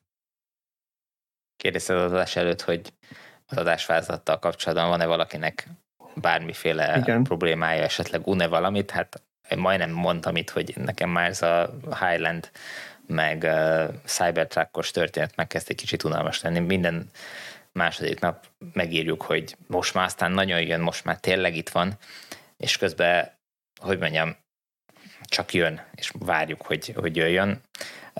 Tudom, nagyon fontosak, meg egyébként engem is nagyon érdekel mind a Cybertrucknak a részletei, mind, mind a Highlandnek a részletei, csak most már jöhetne tényleg igen, hát most már ezért, nem, ezért a... nem költ a Tesla reklámra, mert mi is minden másnap megírjuk. Igen, de ha nem írjuk meg, akkor tudod, hogy kapunk a Tibortól egy olyan linket perceken belül, hogy nálunk ez miért nem jelent meg, és akkor igen, szóval ez, ez félretéve, jó? Tehát egyik a Highlandről. Amit Balázs megsértődött, amíg nincs ott a budapesti szalomban, addig nem lesz több hírünk a Highland. Igen. Ennyi, ennyi, majd olvassatok más oldalakon. következőket. És akkor a másik téma, amit Tibor un, ez a Cybertruck, akkor erről is beszéljünk egy picit. A Tibor unja, beszéljünk róla. Amit, amit egy dolog, hogy ő un meg egyébként az a vicces, hogy ez így Magyarországon nagyon nem is releváns, mert szerintem itt ha egyáltalán lesz egy jó darabig nem lesz még. Szóval de Amerikában úgy néz ki, hogy szeptemberben fogják ezt is most már effektív bemutatni, olyan értem, hogy átadni a vásároknak. És volt egy számomra megállás érdekes hír ezzel kapcsolatban, hogy arról szólt, hogy, hogy újfajta bemutatót tervez magához képest a Tesla, nem csak egy központi átadó lesz valahol Austinban, aztán megköszönik a figyelmet, hanem állítólag azok az autók, amiket itt hetek óta fotóznak a közösségi médiában, hogy trélerre teszik őket, és így eltűnnek a semmibe. Ezek kiválasztott szalonokba kerülnek a Tesla-nál, most nyilván még ott majd elzárt állapotban, és a bemutató estéjén több helyi tulajdonos is megkapja az autóját, tehát ilyen országos eseményt akarnak belőle csinálni, nem csak egy központit, hogy pár ember megkapja mondjuk Austinban, vagy, vagy akár Fremontban, hanem majd megkapják az országban több helyen, utána meg nyilván egyre többen, ahogy, ahogy az autókat gyártják. Ne fejtegetted a cikkbe, azt, azt tetszett, és egyébként egyetértek vele, hogy nem véletlen utaztak ezek az autók ponyva nélkül, miközben gyártási éret vagy gyártásból kikerülő darabokról van szó pontosan tudták, hogy ha ezek fölbukkannak az autópályán, akkor mindenki, aki elhalad a trailer mellett le fogja videózni, és föl fogja rakni TikTokra, Instára, Facebookra, akármire, ahol, ahol éppen aktív, és tele lesz vele a net, és nem kell nem kell reklámra költeni, úgyhogy emiatt én nem lepődnék meg, hogyha semmi más nem csinálnak, csak azt a három darab autót hordozgatnák körbe az országba traileren, és akár, így akár ez is lehet. reklámot Igen. maguknak. De egyébként ügyesen Igen. csinálják, tehát mm, abszolút nincs ezzel probléma, hogyha mi vevők vagy az a vicces, hogy az olvasók vevők rá, akkor csinálják. Az a vicces, hogy közben magában a gyárban már ilyen drákói szigor van állítólag belső infók alapján, hogy olyan körlevelek mentek körbe, hogy aki fotót készít az autóról, és nincsen erre felhatalmazva a gyártósoron valahol, az, az azonnal kirúgják kérdés nélkül ki is kísérik az épületből. Most ehhez képest meg ugye a trélereken forogottak körbe, meg láttunk már itt fotókat izlandi forgatásról, új-zélandi tesztelésről, mindenhonnan látszik az autó, sőt Elon Musk maga a képen látható autóban ül és pózol vele a gyár mellett, úgyhogy igen, igen érdekes. Hát az a, az a különbség, hogy itt az jelenik meg, amit ők, Musk, a vezetés akar, a gyárban készülési fotókon meg esetleg olyan részletek jelennének meg, amit még nem akarnak nyilvánosságra hozni. Egyébként érdekes, hogy hogy jelenhetnek, hogy jelenhetnek meg uh, ilyen fotók. Uh, én több akugyárba is jártam már, meg ilyen nagy, nagy cégeknél, azzal kezdik a bejáratnál. Még az irodaépületbe se tudsz belépni úgy, hogy ne ragasztanák le a, a telefonodat, meg ne vennék el a, a komolyabb képrögzítésre alkalmas eszközöket. Tehát, hogy nem lehet ilyeneket bevinni a, a gyárakban, le van ragasztva, minden nem lehet képeket csinálni. Ha csak fölmerül, hát egyébként, töröltetnek mindent. Igen, egyébként most pár hete volt megint egy ilyen szokásos a Tesla-nál kínozzák a dolgozókat cikk valamelyik külföldi erre hivatott médiában, ami arról szólt, hogy hát a Shanghai gyárban mostantól az embereknek be kell zárniuk a szekrénybe a telefonjukat, és nem vihetik be a gyártósóba, mert hogy megkezdődött a Highlandnek a gyártása, amiről hozzáteszem nem is látunk képeket, tehát arról még mindig csak a ponyvázott fotók vannak. Tehát amit nem akarnak, hogy lássuk, azt nem is látjuk, mert nagyon nem szeretnék, hogyha a mostani Model 3 eladásai még inkább leállnának, bár is, aki tudja, az nyilván kivárna. A lényeg az, hogy, hogy ott viszont most drákói szigor van a Shanghai gyárban, onnan nem is szivárog egyetlen egy ilyen ez a krumplinál keresztül készített fotó sem, úgyhogy Hát ennek Egyébként két oka én... lehet, vagy hatalmas nagy duranás lesz, vagy alig lesz benne újdonság. Igen. Egyébként én nem is igazán értem, hogy, hogy most ezt leszámítva, vagy ettől függetlenül, hogy engedheti meg bármelyik gyár is, hogy a, a, a szalag mellé bárki bevigyen mobiltelefon. Tehát, hogy ott jön üzenet, akkor, akkor félredobja a szerszámot és megválaszolja a, a Messengeren az üzenet, hát, vagy, vagy ez hogy? Akár még baleset veszélyes is, nem? Mert hát, oda néz egy abszolút. pillanatra, és... Nem Igen. biztos, hogy engedi. Igen. Tehát most azért nézd meg, hogy a nem tudom, a maffia vezérek a börtönből irányítják tovább a birodalmukat, pedig a börtönbe se vihet be mobil. Nem mintha azt érteném. Tehát... Hát megoldják. Na, itt csak erre akarok utalni. Lehet, hogy hivatalosan nem engedik, hogy a gyártósornál ott legyen Igen. egy kamerás. Kereslet kínálati piacon, tudod. Így van. Van kereslet ezekre a fotókra, meg van kereslet a telefonra is a börtönben. Úgyhogy akkor van kínálhat is. Na, térjünk át ezekre a témákra, ami talán Tibort érdekli. Ez pedig a robotaxik sorsa San Francisco-ban. Ez mehet? Mehet? Csak hogy ne, Abszolút, ne, szerintem erről okay, keveset jó. írunk. Lehetne több. Igen. Látod? Látod, Szöcske? Erről kéne többet írnunk, mert kimegyek San Francisco-ba, kiállok valami cruise elé, most látok azzal szórakoznak vicces gyerekek San Francisco-ban, hogy ilyen tudjátok, ezek az építkezéseken jövő bójákat kiraknak a önvezető autók köré, és akkor azok így leállnak, ezek a cruise taxik, mert hát ugye azt látja, hogy bója van, nem lehet tovább menni, és ott röhögnek, amíg jön valaki, hogy elvigye az autót, szóval Hát kevésbé viccesek meg azzal, azzal szórakoznak, hogy motelszoba helyett használják a önvezető robotaxikat. Arról is Ez a fotó ez nem illik hozzá. Erről sem írtam, a Totálkáron olvastam erről. Ugye? Látod? Hát egy, lenne egy 18 pluszos rubrikánk videókkal az autókból, de általában hát mivel nem, mivel ott, nem ott kaptuk videókat, anélkül minek? Ja, úgy voltál vele videó nélkül, nem is érdekes. Meg se történt. Na de a képen látható Cruz, az meg szerencsétlen egy friss betonba vagy aszfaltba, ugye betont írtak az eredeti hírben, de nem tudom, hogy beton alapja vagy aszfalt, mindegy, szóval valamiben belehajtottam, mert nem kellett volna, és szegény elmerült, de én ennek, és beleragadt, de én arra gondoltam, hogy ez egy ilyen általánosabb probléma, hogy nagyon megszokták azt a akár a közteresek, akár a, akik a táblákat teszik ki, akár a munkások, hogy nagyon lazán kezelik ezeket a dolgokat, nem? Erről talán egyszer beszéltünk már, hogy nem tudom, hogy adásban-e, hogy mindig kiakadok azon, hogy amikor autópályán van valami happening, tehát akár mondjuk csak nyírják a füvet, vagy, vagy valamit festenek, vagy felújítanak, akkor mindig ki van téve, hogy kiraknak egy korlátozott távot, hogy csak 60-nal vagy 80-nal lehet menni a munkások mellett, ami teljesen helyén való, de nem raknak ki feloldó táblát. És technikailag szerintem te a következő felhajtóig nem mehetnél ott újra 130-al, mert nem oldották fel a korlátozást. Szerintem egyszerűen csak trehányságból. Én nem tudom, hogy ha valaki ismer a keresztbe olyan szabályt, ami azt mondja, hogy ilyennél nem kell feloldani, automatikus úgy veheted, hogy te eldöntöd, hogy hol van ennek a vége, és onnantól kezdve nem hinném. Egyszerűen nem Biztos, rakják hogy ki. kell, hiszen nem, nem tudhatod, hogy mit tudom én 200 méterrel arrébb a kanyar Pontosan, nincs egy másik újabb. ugyanilyen Igen, gép, igen. igen. És, és itt is erre tudok gondolni, hogy igenis tudomásul kell venni, hogy az önvezető autók be fogják tartani a szabályokat, ami azt jelenti, hogy, hogy ők nem fognak 130-al menni, ha csak 70-nel lehet, és hogyha nincsen kint tábla, hogy itt építkezés van, akkor ő lehet, hogy be fog menni a friss, friss betonba is, mert nem biztos, hogy látni fogja, hogy ez egy friss beton, hogyha ott nincsen egy A, a nedves beton pont ugyanúgy néz ki, mint a száraz. csak más a. Sőt, még a LiDAR-nak is De- valószínűleg, igen. De itt szerintem ez egy nagyon egyszerű, vagy hát így nagyon egyszerűen tűnő probléma a képek alapján, nagy valószínűséggel a bójákat nem jó helyre rakták.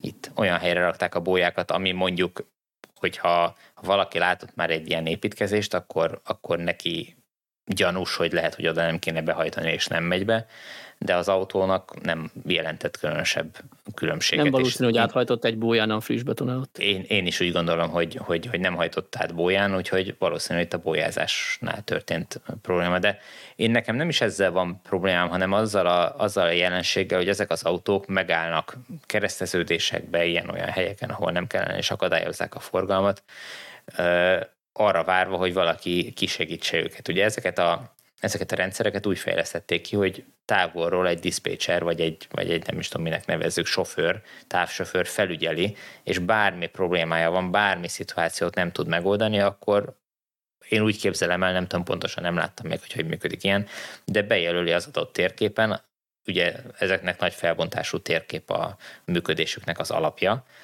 és azon a térképen bejelöli, hogy igen, ebben a szituációban, amit a kamerák, meg a, lidar, meg, meg minden adat alapján lát, lát a sofőr, erre kell elmennie az autónak bejelöl, és akkor utána az autó azon a, a, az útvonalon, nyomvonalon folytatja az útját.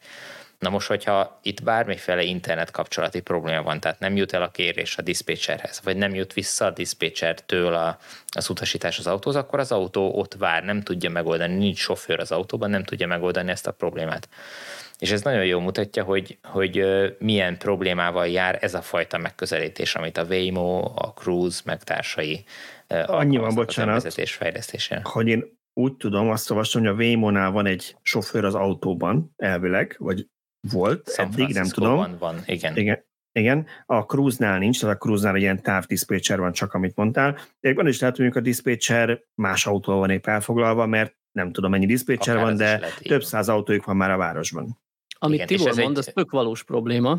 Olyannyira, hogy most megcsapkodom magam csalánnal, olvastam egy cikket erről, de nem írtam meg nálunk, hogy történt egy olyan, hogy nem tudom, hogy fesztivál, sportesemény, akármi volt, ahova rengetegen rendeltek ilyen önvezető autót, de mivel rengeteg ember volt ott, annyian mobiloztak, hogy túlterhelt volt a mobiltelefon hálózat az adott zónában, mert valami stadion, ahol nincs olyan lefedettség, mert csak ritkán kell sok embernek ott, és oda mentek az autók, majd ott elvesztették a internet kapcsolatot, mert egyszerűen túlterhelt volt a, a adott mobiltorony, és megálltak elakadási jelzővel töm- tömegesen. Hát nem tudom, nem láttam róla a videót, hogy itt a tömeges az 3 vagy 28 vagy 40 autót jelentett, de több darab megállt amiatt, hogy nem volt neki internet.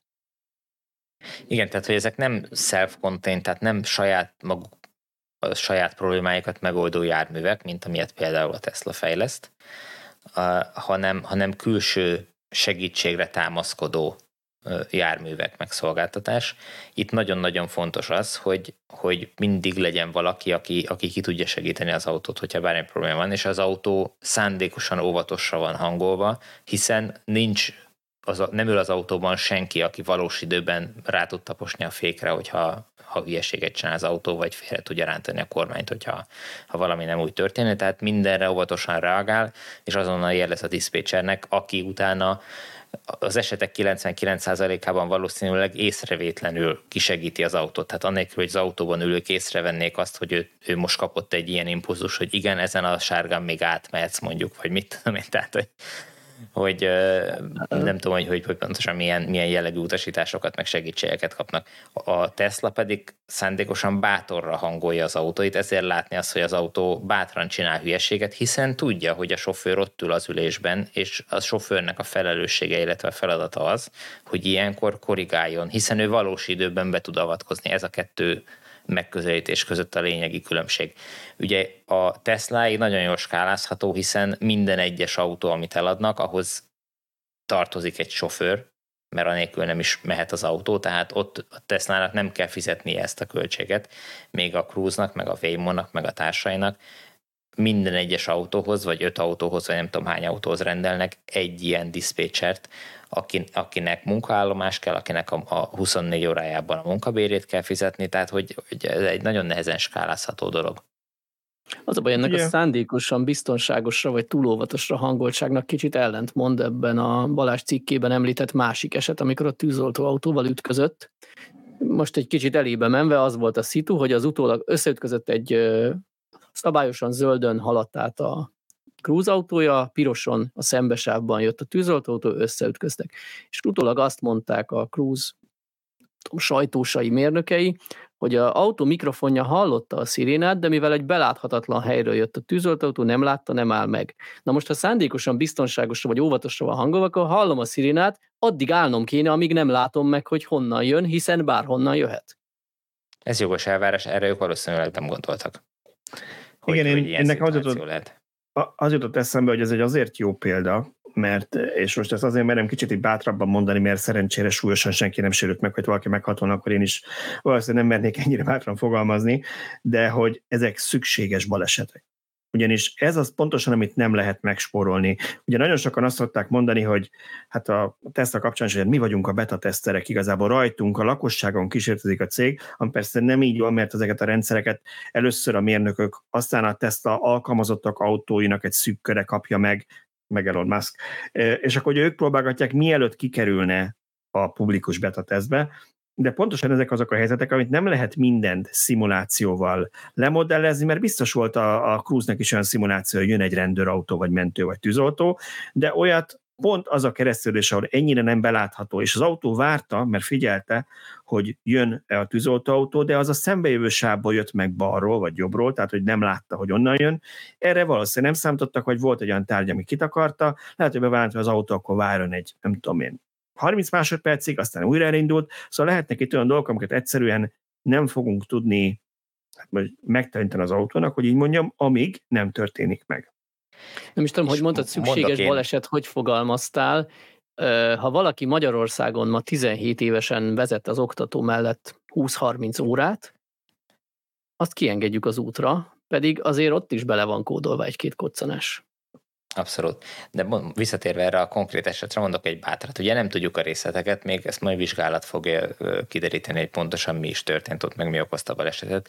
De mi van akkor, hogyha az autó óvatos volt? Ő megállt volna, de a távoli diszpécser azt mondta, ó, hát mehetsz itt, mert nem látok semmit, hogy, hogy itt jönne tűzoltó uh-huh. autó, mehetsz, lehet, hogy ez csak valami, nem tudom. Ne tarts fel a forgalmat, ugye? Ne tarts fel a forgalmat, mert... menj tovább át, és akkor hopp, ő se látta, és tehát nagyon, Igen. én el, simán el tudom képzelni, hogy ez egy, akár még emberi hiba is lehet ez a, ez a baleset, sőt, az is számomra egy érdekes kérdés lenne, a részletek ismeretében valószínűleg ez könnyebb lehet majd eldönteni, hogy ha valós sofőr ült volna, ember ült volna ott a kormánynál, akkor ő el tudta volna elkerülni ezt a balesetet, vagy adott esetben, mit tudom én, 30%-os valószínűséggel ő is belefutott volna a, a tűzoltóba. Hát erre van egy nagyon egyszerű válasz. Ugye jelenleg nem tudunk olyan balesetekről a világban, amik azért történnének, mert egy sofőr nem adja meg az elsőbséget egy mentőnek, tűzoltónak, rendőrnek, ugye? Hát nem, hányszor megtörténik az, hogy kihajt, hallja, hogy jön a sziréna, nem tudja pontosan, nem tudja be, de ő még úgyis átfér, meg ő nem látja, és gáztad, tehát az emberek is bele tudnak ilyenekbe futni, és ezt kvázi elfogadjuk, persze ott is van ennek nyilván következménye. Én egyébként betiltanám, egy... hogy szirénát alkalmazzanak rajzfilmekben, filmekben, zeneszámokban, mert többször jártam a vezetés között, hogy gyerekeim mondjuk mesét néztek hátul, és hallottam a szirénát, és össze-vissza néztem a tükröt meg mindent, hogy honnan jön a megkülönböztetett autó. És honnan ezért, fog egy gyerek akkor megtanulni, hogy melyik a szirénának a hangja, hogy igen, nem lehet a mesét Ezért erre. mostantól egyetlen egy filmben sem lehet sziréna, mert a szöcskének megzavarja a vezetés. Szóval Egyébként, bocsánat, visszatérve még erre, hogy, hogy nem tudom, hogy Amerikában mi a szabály, de Magyarországon ugye a, a megkülönböztető jelzés használó jármű csak úgy szekheti meg a szabályokat, hogyha az biztosítja, hogy a közle, közlekedés többi részevőjét ezzel nem veszélyezteti. Tehát, Tehát hogy ha meggyőződött róla, mehet, hogy megadták neki az elsőbséget abban a kereszteződésben. Pontosan, így van. Így van. Tehát, hogy ő, ő, ő nem mehet csak úgy vaktába át egy kereszteződésen, kockáztatva azt, hogy, hogy mit tudom én, vagy piroson, kockáztatva, hogy elgázolja a gyalogosokat, akik nem vették esetleg észre, hogy ő jön nagy sebességgel. Tehát, hogy ez nem így működik itt. És nagy valószínűséggel Amerikában is valami hasonló szabály lehet. Tehát a tűzoltó autónak szintén meg kellett volna győződnie, hogy igen, az a sáv, amiben ő behajtott, az szabad lesz, amíg ő ott fog tartózkodni. Nyilván ettől függetlenül balesetek egy... előfordulnak, tehát mint ahogy ezt a minden napokban szoktok látni.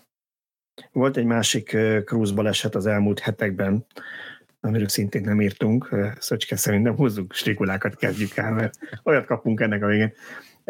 De ez én is csak egy utólag láttam, amikor már ennek kerestem anyagokat, mondom, ha még egyet nem rakok be, megy is elég egy cikkbe, de a lényeg az, hogy az volt, ott egy cruise kihajtott egy kereszteződésben, hirtelen látta, hogy jön valaki nagy sebességgel, és megállt. És emiatt, hogy megállt, valószínűleg emiatt belerohant a személyautó, és ebben azt írták kommentekben, hogy ha akkor gázt adott volna, akkor átmehetett, akkor még át tudta volna kerülni ütközést. Hozzáteszem, az embereknél is előfordul, hogy nem mindig tudjuk, hogy most hirtelen megállunk, mert megijedünk, vagy is rögtön gázt adunk-e, és akkor átmegyünk, nem mindenkinek kell automatikusan, de ugye ennek a túlzott biztonságnak, vagy túlzott óvatosságnak is meg lehet az a hátránya, hogy egy ilyen helyzetben azzal okozott balesetet, hogy megállt, ahelyett, hogy tovább ment volna. Én nekem úgy remlik, hogy abban a hírben az volt, hogy, hogy a másik autós piroson ment át, tehát ott egyértelműen ő volt a ludas, attól függetlenül, hogy esetleg kivéthette volna a Cruise, hogyha rutinosabb, de, de ott egyértelmű a másik szeget szabályt. Na jó, akkor elérkeztünk arra a pontjára az adásnak, ahol elővehetjük a komment hegyet, amit generáltatok nekünk az elmúlt hét alatt, és nagyon-nagyon sok volt, úgyhogy próbáltam. Viszont Igen, előtte ránézünk Igen, a Tesla szavazásra? Amit én soha nem rakok be, mert hogy nem untatjuk az embereket azzal, hogy minden héten előveszünk, akkor vegyük elő, vegyük elő, és azért vegyük elő, igazad van, mert amíg te azt előveszed és nézed, addig Szöcske képeit, vagy Szöcskének küldött képeket fogok megosztani, Szöcske non-stop kapja a fotókat tőletek, ezúton is köszönjük a Tesla épülő magyar superchargereiről, Óbudáról kaptál most új fotókat, azokat én berakom szépen így aláfestésnek, amíg majd elmondtad, hogy kitől van a fotó, mert én ezeket nem írtam, nem készítettem be feliratnak, amíg Tibor keres nekünk adatokat a szavazásról. Hát nem mondom el egyesi, vagy melyik kitől, kettő olvasónktól lesznek szerintem megosztott fotók, Margetán Zsombortól és Rékási Gábortól köszönjük szépen. Tartsátok meg jó szokásotokat, küldjétek továbbra is a képeket mindenről, ami érdekes még mindig nem tudjuk a képek alapján, hogy ezek V3-as vagy V4-es superchargerek lesznek.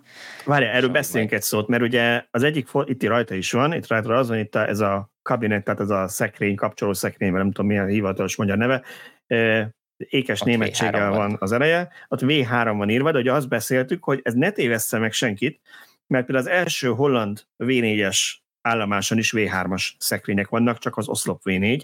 Tehát önmagában az, hogy mi van És írva a szekrényre, az, az nem mond semmit, főleg, hogy valószínűleg nem ettől függ az oszlop, vagy a szekrény maga az lehet ugyanaz is, mint a, mint a V3-asnál, tehát nem is kellett nekik új, nem tudjuk, hogy kell-e új a V4-hez. Ez, én itt személyesen is érintett vagyok, mert bedobtam a Facebookon a Tesla közösség csoportba ezeket a fotókat, és ott egy versenyt hirdettem, hogy aki ezekből eltalálja, hogy V3 vagy V4, annak fizetek egy sört a Miskolc-Tapolcai villanyautós találkozón. A túlnyomó többség a V4-re szavazott, úgyhogy ha V3 lesz, akkor, akkor olcsón megúszom, de azt hiszem, hogy sok sörrel kell készülnem. De jöjjön el mindenki találkozó, mert anélkül nem osztom ki.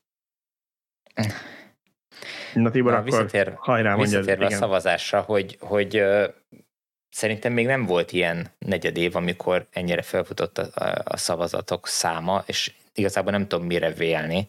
Brassó 15.356 szavazattal vezeti per pillanat a, a globális ranglistát, és mögötte 14.336-tal, tehát most már 1000 szavazattal lemaradva van szólnok, majd néhány százal lemaradva Füzesabony, tehát az első háromba két magyar helyszín van, majd utána a negyedik helyen Tesszaloniki, ötödik helyen pedig most már hát egyre inkább ki lehet jelenteni, hogy stabilan Nyíregyháza. Tehát úgy tűnik, hogy az elsődből megint sikerül három helyszínt beszuszakoljunk, úgyhogy nagyon jó a, nagyon jól áll a, a, a szavazás, és hát nyilván továbbra is buzdítjuk azokat, akik még nem szavaztak a, a Supercharger helyszínekre, hogy tegyék meg, mert sose lehet tudni, hogy, hogy mikor kapnak Előbb-utóbb megnyitják ezeket.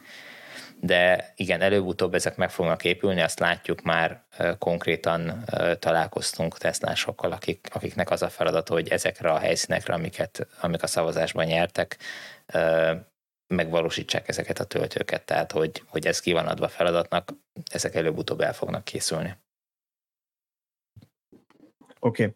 Na, hát akkor térjünk át a kommentekre, és még egyszer szépen köszönjük azt a sok-sok kommentet, amit küldtetek. Én csak párat emelek ilyenkor, mindig ki nem tudunk mindenre válaszolni, valamit ott megválaszolunk, leginkább YouTube-on, van, amit meg itt próbálunk.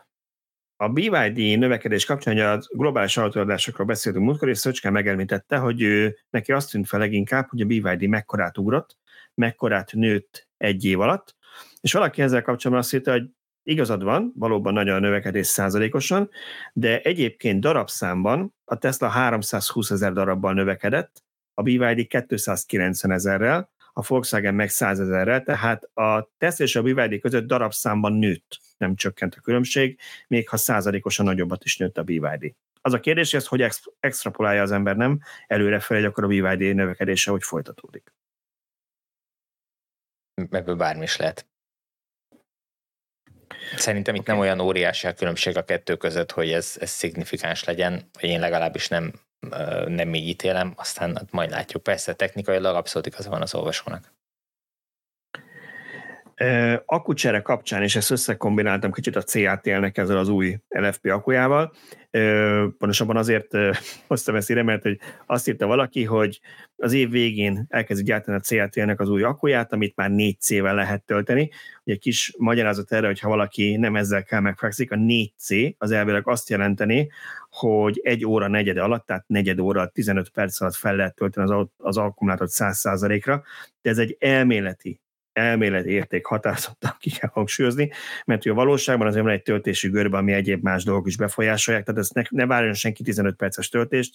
A CATL is azt mondta, hogy hát sok, és mit mondott, szerintem 20 valamennyi percet mondtak a 80 ra tehát ők sem azt szeretnék, hogy negyed óra alatt fel lehet tölteni. Na de a lényeg az, hogy azt írta, azt mondta, a, sőt, bocsánat, elnézést, 10 percet írtak 20-80-ra, de 100 ra ugye nem ennyit. Igen, ami, azt, amiről igen, te beszélsz, az tulajdonképpen most leegyszerűsítve, hogyha mondjuk van egy 100 kWh akkumulátorod, akkor az, azt, hogyha 100 kW-tal töltöd, akkor egy C-vel töltesz, ugye? Igen. Tehát igen. azt a azt a Négy, egy 100 kWh-s akkumulátort kw kell töltened, hogy 4 C legyen a töltés. Igen. Tehát azt jelenti, hogy kibírja az akkumulátor. 100 százra, hogyha ha végig konstans sebességet tudná tölteni, vagy teljesítménnyel tudná tölteni ezzel a 4C-vel, akkor tudná föltölteni 15 perc alatt nulláról százra. Ezek te, teljesen elméleti dolgok, tehát itt nem, Igen. gyakorlatban ezek nincsenek meg. Tehát a CATL azt mondja, hogy 20-ról 80-ra, ami egy kicsit reálisabb, mint a nulláról százra, 10 perc alatt lehet meg feltölteni ezt, a, ezt az akkumulátorát, és erre mondta azt valaki, hogy ennyit az akkucseréről, mert egy-két éven belül túlhaladott lesz az akucsere az idő szempontjából. Igen, az akucsere kapcsán kaptunk, kaptunk több kommentet, és én abszolút egyetértek ezzel, hogy a töltési teljesítmény túlhaladta. Sokan azt írják, hogy de jó lenne az akucsere, hogyha szabványosítanák az akupakkokat. Igen, de ez annyira elméleti dolog, amikor a mobiltelefon töltők csatlakozójának szabványosításához rengeteg időnek, éveknek kellett eltelni, akkor nem reménykednék abba, hogy bármilyen hatóság a világ összes autógyártóját rá tudná arra kényszeríteni, hogy mostantól ezt a téglatestet ilyen csatlakozókkal szerelt be az autódba, és egy univerzális tölt csereállomáson ezt lehessen cserélni, ezt kizártnak tartom. Amit én egyedüli jó érvnek érzek az akucsere mellett, hogy ezek az akucsere állomások az idő jelentős részében nincsenek kihasználva, nem alakulnak ki ott sorok csak hálaadáskor is a tengerparti nyaraló szezonban vagy sí szezonban. Az, az összes többi időben, ha ott van egy csomó kapacitás letéve, akkor ezek ilyen napelemes fixakuként tudnának működni. De ezt egyelőre senki nem csinálja. Tehát én nem, tudom, hogy a Bivágy adna elég áramot, vagy igen. Viszont, viszont annyi ennek kapcsán mindenképpen szerintem még érdekes, amit mondtál, hogy én nem is biztos értenék azzal se, hogy ezt akarjuk, hogy ők ezt kőbevésse mondjuk az EU, hogy egyforma méretű akkunak kell lenni, egyforma dimenziókkal, mert egy dolog a csatlakozó, tehát mondjuk azt, és az még belső csatlakozót is nyilván előírhatnának, hogy könnyű legyen a csere, de ami a külső csatlakozós példa, ugye az ott, ott a CCS 2 Európában, ami egy szabvány, az tök jó, mert így, mert az, hogy van egy szabvány, az tök nem feltétlenül a, a bazinet CCS, hanem az, hogy van egy ilyen szabvány, mert így ugye egyszerűbb lesz, átjárható lesz a töltőhálózat, de ha belegondolsz, telefonban is azért tud annyi fajta méretű, formájú, kinézetű telefon lenni, mert az, a telefongyártók egyedi akkuméreteket, meg akkuformákat tudnak beletenni. Most elég sok videót néztem ilyen összehajtogatható telefonokról, azt, ott aztán meg már mindenbe kreatívak a, a gyártók, hogy hova milyen aksit tesznek, meg hány aksi van benne, meg hogyan helyezve. Na most azt nagyon nem szeretnénk, hogy akkor mostantól az autókban egy egységes, nem tudom én, 150 centiszer 100 centiszer 10 centis akupak legyen alul, mert az befolyásolja azt is, hogy milyen autóformákat és autóméreteket tudnak a gyártók gyártani. Pontosan, tehát a, a, aki azt mondja, hogy környezetbarát lenne az akucsere, mert nem kéne annyi akut magunkkal cipelni, csak kisebbet, azt megkérdezném, hogy akkor a kis autókkal mi legyen, hogyan kerülne be egy új Fiat Pandába ugyanaz az akku, ami egy Kia EV9 meghajtásához is elegendő kapacitású és méretű. Hát meg az egységesítése gyakorlatilag egy, egy, pillan, egy ponton megállítanák a, a fejlődést, a technológiai uh-huh. fejlődést, mert azt kellene mondani, hogy már pedig ilyen méretű, ilyen sűrűségű, ilyen kémiai akkumulátorokat kell gyártani, punktum, mert ezeket tudjuk cserélni. És nincs, nincs strukturális akupak onnantól. És nincs strukturális akupak. Igen, e, e, e, ez jó, ez, autók. Igen, ez a másik, igen, de egyébként ez, ez jó, amit mondasz, mert szerintem erről is beszéltünk, egy gondolatot azért megér, hogy az akukémia, hogy milyen kémiai akut kell, hogy az nem teljesen független attól, hogy, hogy mondjuk az autó mit tud kezelni. Nem tudom, biztos, sőt, inkább azt mondom, hogy ismerve a technológiai fejlődést, biztos, hogy egy előbb-utóbb megoldanák a gyártók, hogy olyan vezérelektronikák, meg BMS-ek, meg mit minden legyen, meg olyan hajtásláncok, aminek tök mindegy, milyen akupakot raksz alá, de nem vagyok benne biztos, hogy ma jelenleg ez független, és ugyan van olyan típus például a Tesla-nál, amelyikben LFP akku van a kis akusba és nagy akusba, meg más, és ez más gyártóknál is van, de nem biztos, hogy ez minden autó csak úgy elviselni, hogy egyszerűen kiveszel alól egy NMC cellát, és beraksz egy LFP akupakot, tehát hogy nem tudna vele mit kezdeni.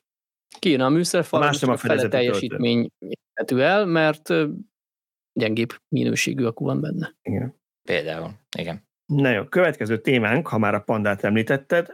Egyrészt valaki megjegyezte, múltkor beszéltünk, hogy az olcsó panda utód, vagy panda-szerű elektromos fiátról, amit belengedtek, és hogy nincs erről fotónk, azért használtunk egy panda fotót, valaki azt hogy de van róla képünk, vagy kellene, hogy legyen, mert volt egy Centoventi nevű tanulmányautó, ahol megmutatták. Na most én utána néztem, köszönjük a tippet az olvasónak, mindenképpen utána néztem, ez egy 2019-es tanulmányautó. Úgyhogy nem vagyok benne biztos, hogy releváns az a kép, mert lehet egy tök más formájú autó lesz, amit, amit majd valamikor 25-ben esetleg elkezdenek gyártani. E, és valaki meg azt írta, ő állítólag már ezt a kommentja alapján látta, azt mondja, hogy nagyon modern és vonzó lesz új Panda formaterve, de többet nem mondhat. Nekünk is vannak ilyen forrásaink, mint másoknak, akiknek el kell Várjuk. Várjuk vissza ezt a kommentelünket akkor, amikor mondhat többet. Mindenképp. Igen, mindenképpen. Ezt tök pozitívan Igen. mondom, semmi negatív kicsengés. Oké. Okay. Autószállító hajók kapcsán, beszéltünk erről a bizonyos tűzesetről, ami úgy néz ki jelenleg, hogy, hogy úgy néz ki jelenleg, hangsúlyozom, hogy nem az elektromos autók okozták, hogy ha a szállítónak nem csak a biztosítást, hanem a tűz esetén valamennyi környezetkárosítási bírságot is kellene fizetnie, akkor jobban ösztönözve lennének a hatékony tűzoltórendszer beépítésére. Ha elsőr bármilyen hajó vagy leesik egy konténer, akkor van ilyen büntetés? Nem Ez tudjuk, aki kérdés. tudja, mondja meg. Szerintem attól is függ, hogy hol süllyed el, mert hogyha ilyen nemzetközi vizeken, akkor nem tudom ki és hogy büntetne, max az ENSZ, vagy nem tudom. Ha egy konkrétan egy kikötőbe valamelyik országnak, akkor lehet, hogy megbüntetik azért, hogy hogy milyen környezetszennyezést okoz, de abban sem biztos, hogy a biztosítás ezt nem fedezi. Mert a biztosításoknak szokott lenni olyan része is, ami a által okozott károkat bizonyos limitig, de fedezi. Igen, de, biztosítás. Igen, ha más, nem, ha más nem, akkor a magas biztosítási díjban kifizetni a autószállító, ez így van töltés témakörében. Valaki adott egy tippet, és elnézést csak az első részét fogom felolvasni, ha valakit olyan érdekel, megtalál YouTube kommentekben. Azt mondta, hogy Szlovákiára hozott példát, hogy egyébként ott milyen jó a töltőhelyzet, hogy a ZSE Drive a napokban helyezett üzembe két darab 300 kW-os töltőoszlopot az Európa Bevásárlóközpont parkolójába Beszterceványán, és egyébként mind a kettő töltő meg tudja osztani két-két autó között ezt a teljesítményt is, és még jó pár ilyen helyszínt fel, felsorolt, ahol nem ekkora, de kisebb teljesítményű 100 meg 50-es, meg 150-es töltőket nemrég telepítettek, úgyhogy úgy néz ki, ott folyik valami program, vagy legalábbis a piaci szereplők telepítgetnek. Valahogy nem tudom, nekik megéri a 150 kW-os vagy a 300 kW-os töltők telepítése, hogy támogatásból fedezik, vagy miből nem tudom, pedig Szlovákiában jelenleg még kevesebb az elektromos autó, mint Magyarországon. Mégis évek, hanem egy évtizede jobb töltőhálózatok van, mint nekünk. Igen, és verseny van a szolgáltatók között, tehát még csak az sincs, hogy az egekben vannak az árak, hogy kevés autóson keresnek nagyon sokat, vagy keresik meg azt a pénzt, ami kell a, a rendszer fenntartásához. Zsolnán is, ahol, ahol legutóbb, mikor Lengyelországban mentem, ahol töltöttem, ott akkor egy vagy két töltőoszlop volt, most néztem a, a plugshare most már négy van. Ilyen, szintén ilyen, azt hiszem, hogy 150 kW-os, de lehet, hogy még nagyobb teljesítményű. És hogy ez hogy érheti meg, ott a, a Greenway-nek van ez a töltőszigete. El nem tudom képzelni, hogy Magyarországon a legnagyobb szolgáltató nem, engedheti meg magának, hogy, hogy ilyen négy töltős szigeteket építsen ki. Majd most talán nyilván a, az EU-s támogatással ezt meg fogják tenni, de, de talán akkor is csak két darab, hogy is lesz két darab 300 kW-os oszlop lesz. Az a minimum, ugye? A, az EU-s támogatás, a, a, a, az a minimum, hogy 600 nak kell lenni összesen, és legalább 250-esnek. Tehát lesz, lesz vagy négy darab 150-es, ha jól számolok, vagy Igen. 250-es és több darab kisebb teljesítményű. Igen. Igen, és gyorsan megnéztem, Beszedszebánya 76 ezres település, ott már ezek szerint. Lehet olyan útvonal, ahol sokan járnak, én nem tudom, de hogy... Hát észak-dél irányba az egy fontos útvonal. Tehát, De a verseny fontos lehet egyébként, mert én azt látom, amennyire figyelem Szlovákia töltőházatanak fejlődését, hogy a Greenway és az ES a két legnagyobb töltőszolgáltató, és ha ahová az egyik megjelenik, ott viszonylag rövid időn belül a másik is letesz egy hasonló teljesítményű töltőt a környéken, adott városban vagy vonzás körzetében. Tehát azt akarod mondani, hogy ahol épül egy Lidl, ott lesz előbb-utóbb egy Aldi is? Nagyon hasonló. Oké. okay. Valaki még a töltés témakörében azt írta, hogy Supercharger szavazásról már összeszedett 10 darab e-mail címet a családban, és szavaz mindenki nevében. Nagyon szépen köszönjük a, a lelkesedést, Tibor megmagyarázva az előbbi kérdésedet, hogy hogyan futott fel ennyire. Úgy látom, hogy nagyon sokan rámindultak erre. Oké. Okay. Ingyenes parkolás témájában valaki megkérdezte, és ott megválaszolta, de gondoltam, hogy itt nagyobb körben, szélesebb körben is válaszoljuk meg, hogy milyen jó lenne egy olyan lista, ami az egész országban mutatná azt, hogy hol lehet ingyenesen parkolni, és hogy egyébként is miért nincs kiírva ez az automatákra, meg a parkoló táblákra ott, ahol erre van lehetőség. Félig meddig költői kérdésnek érzem, de szerintem azért válaszoljuk meg. Tehát, hogy kéne egy 3512 elemű lista, ahol azok a települések szerepelnek, ahol egyébként nincs parkolási díj? Nem, hanem hogy nem, de ugye azt mondta, azt kéri a, a hallgató, vagy azt mondja, hogy miért nincs egy olyan lista, ahol szerepelne, hogy hol nem kell egy országos lista, hogy hol nem kell fizetni az elektromos autónak a parkolásért. Mi nincs egy, hát bár, ilyen, egy felsorolás hát ilyen van, nem? Ez egyik válasz, hogy ilyen lista van, ez a mi oldalunkon található lista, aminek a, a linkjét megtaláljátok a, az előzetes kommentjében, de majd berakom ennek az adásnak a leírásába is. Viszont ennél nagyon fontos megjegyezni, hogy ezért nem tudunk felelősséget vállalni, ugyanis ezt a listát mi önszorgalomból kezdtük annó frissítgetni, vagy összerakni, és amikor jön hozzánk info, frissítjük, de ez nem jelenti azt, hogy mi 3500 településnek a helyi rendeleteit minden hétfő reggel kinyitjuk, és megnézzük, hogy változott-e. Ha eljut hozzánk info, akkor frissítjük. Egyébként Tibornak szokott erre nagyon jó válasza lenni, mert azt nagyon szokott mondani, azért nincs lista, Igen, azt mondom, nagyon Tibor, hogy azért nincs ilyen lista, mert senkinek nem érdekel, vám arra az oldalról, ahol az önkormányzatok vannak, yeah. mert ők ezt nagyon nem szeretnék reklámozni, adják ezt a lehetőséget, de nekik nem érdekük ezt ilyen nagy dobra verni, hogy náluk nem kell fizetni. Abszolút így van. Rajtam azt szokták számon kérni ö, olvasók rendszeresen, mint a heti rendszerességgel kapok ilyen levelet, hogy, hogy ebben a városban sem kell fizetni a, a parkolásért, az miért nincs a listán? Hát azért, mert hogyha egy városban nincs fizető parkolás, akkor akkor ott nyilvánvalóan az elektromos autóknak se kell fizetni, tehát hogy ha semminek most nem fogunk felsorolni 3500 települést egy listába, hogy igen, itt nem kell fizetni az elektromos autók, hiszen ott ezeknek a, a településeknek a többségen a hagyományos autókkal se kell fizetni, egyszerűen nincs fizető parkolási rendszer. Mi azokat a településeket listázunk, ahol normál autóval fizetni kell, de elektromos autónak van kivétel, vagy kedvezmény, vagy, vagy bármilyen jellegű előny. Ezeket tudjuk, vagy próbáljuk felsorolni e-, ezen az oldalon, aminek a linkjét Balázs beteszi majd a, a, a leírásba. Podcast leírásba, igen.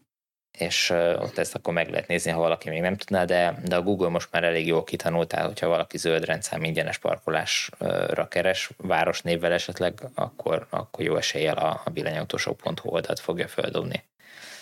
És én a múltkor megijedtem, mert a Facebookon több olyan kommentbe belefutottam, hogy hajdúszoboszlón valakiket megbüntettek, holott úgy tudták, hogy bár a helyi rendeletben nincs benne szokásjog alapján ingyenes a parkolás, és meg is ijedtem, hogy hoppá, ha ezek így történnek, akkor fel kell vírnünk ezt a listánkra, és teléptem, és már felvittük korábban, tehát olyanokat büntettek meg, akik nem ellenőrizték a mi oldalunkat.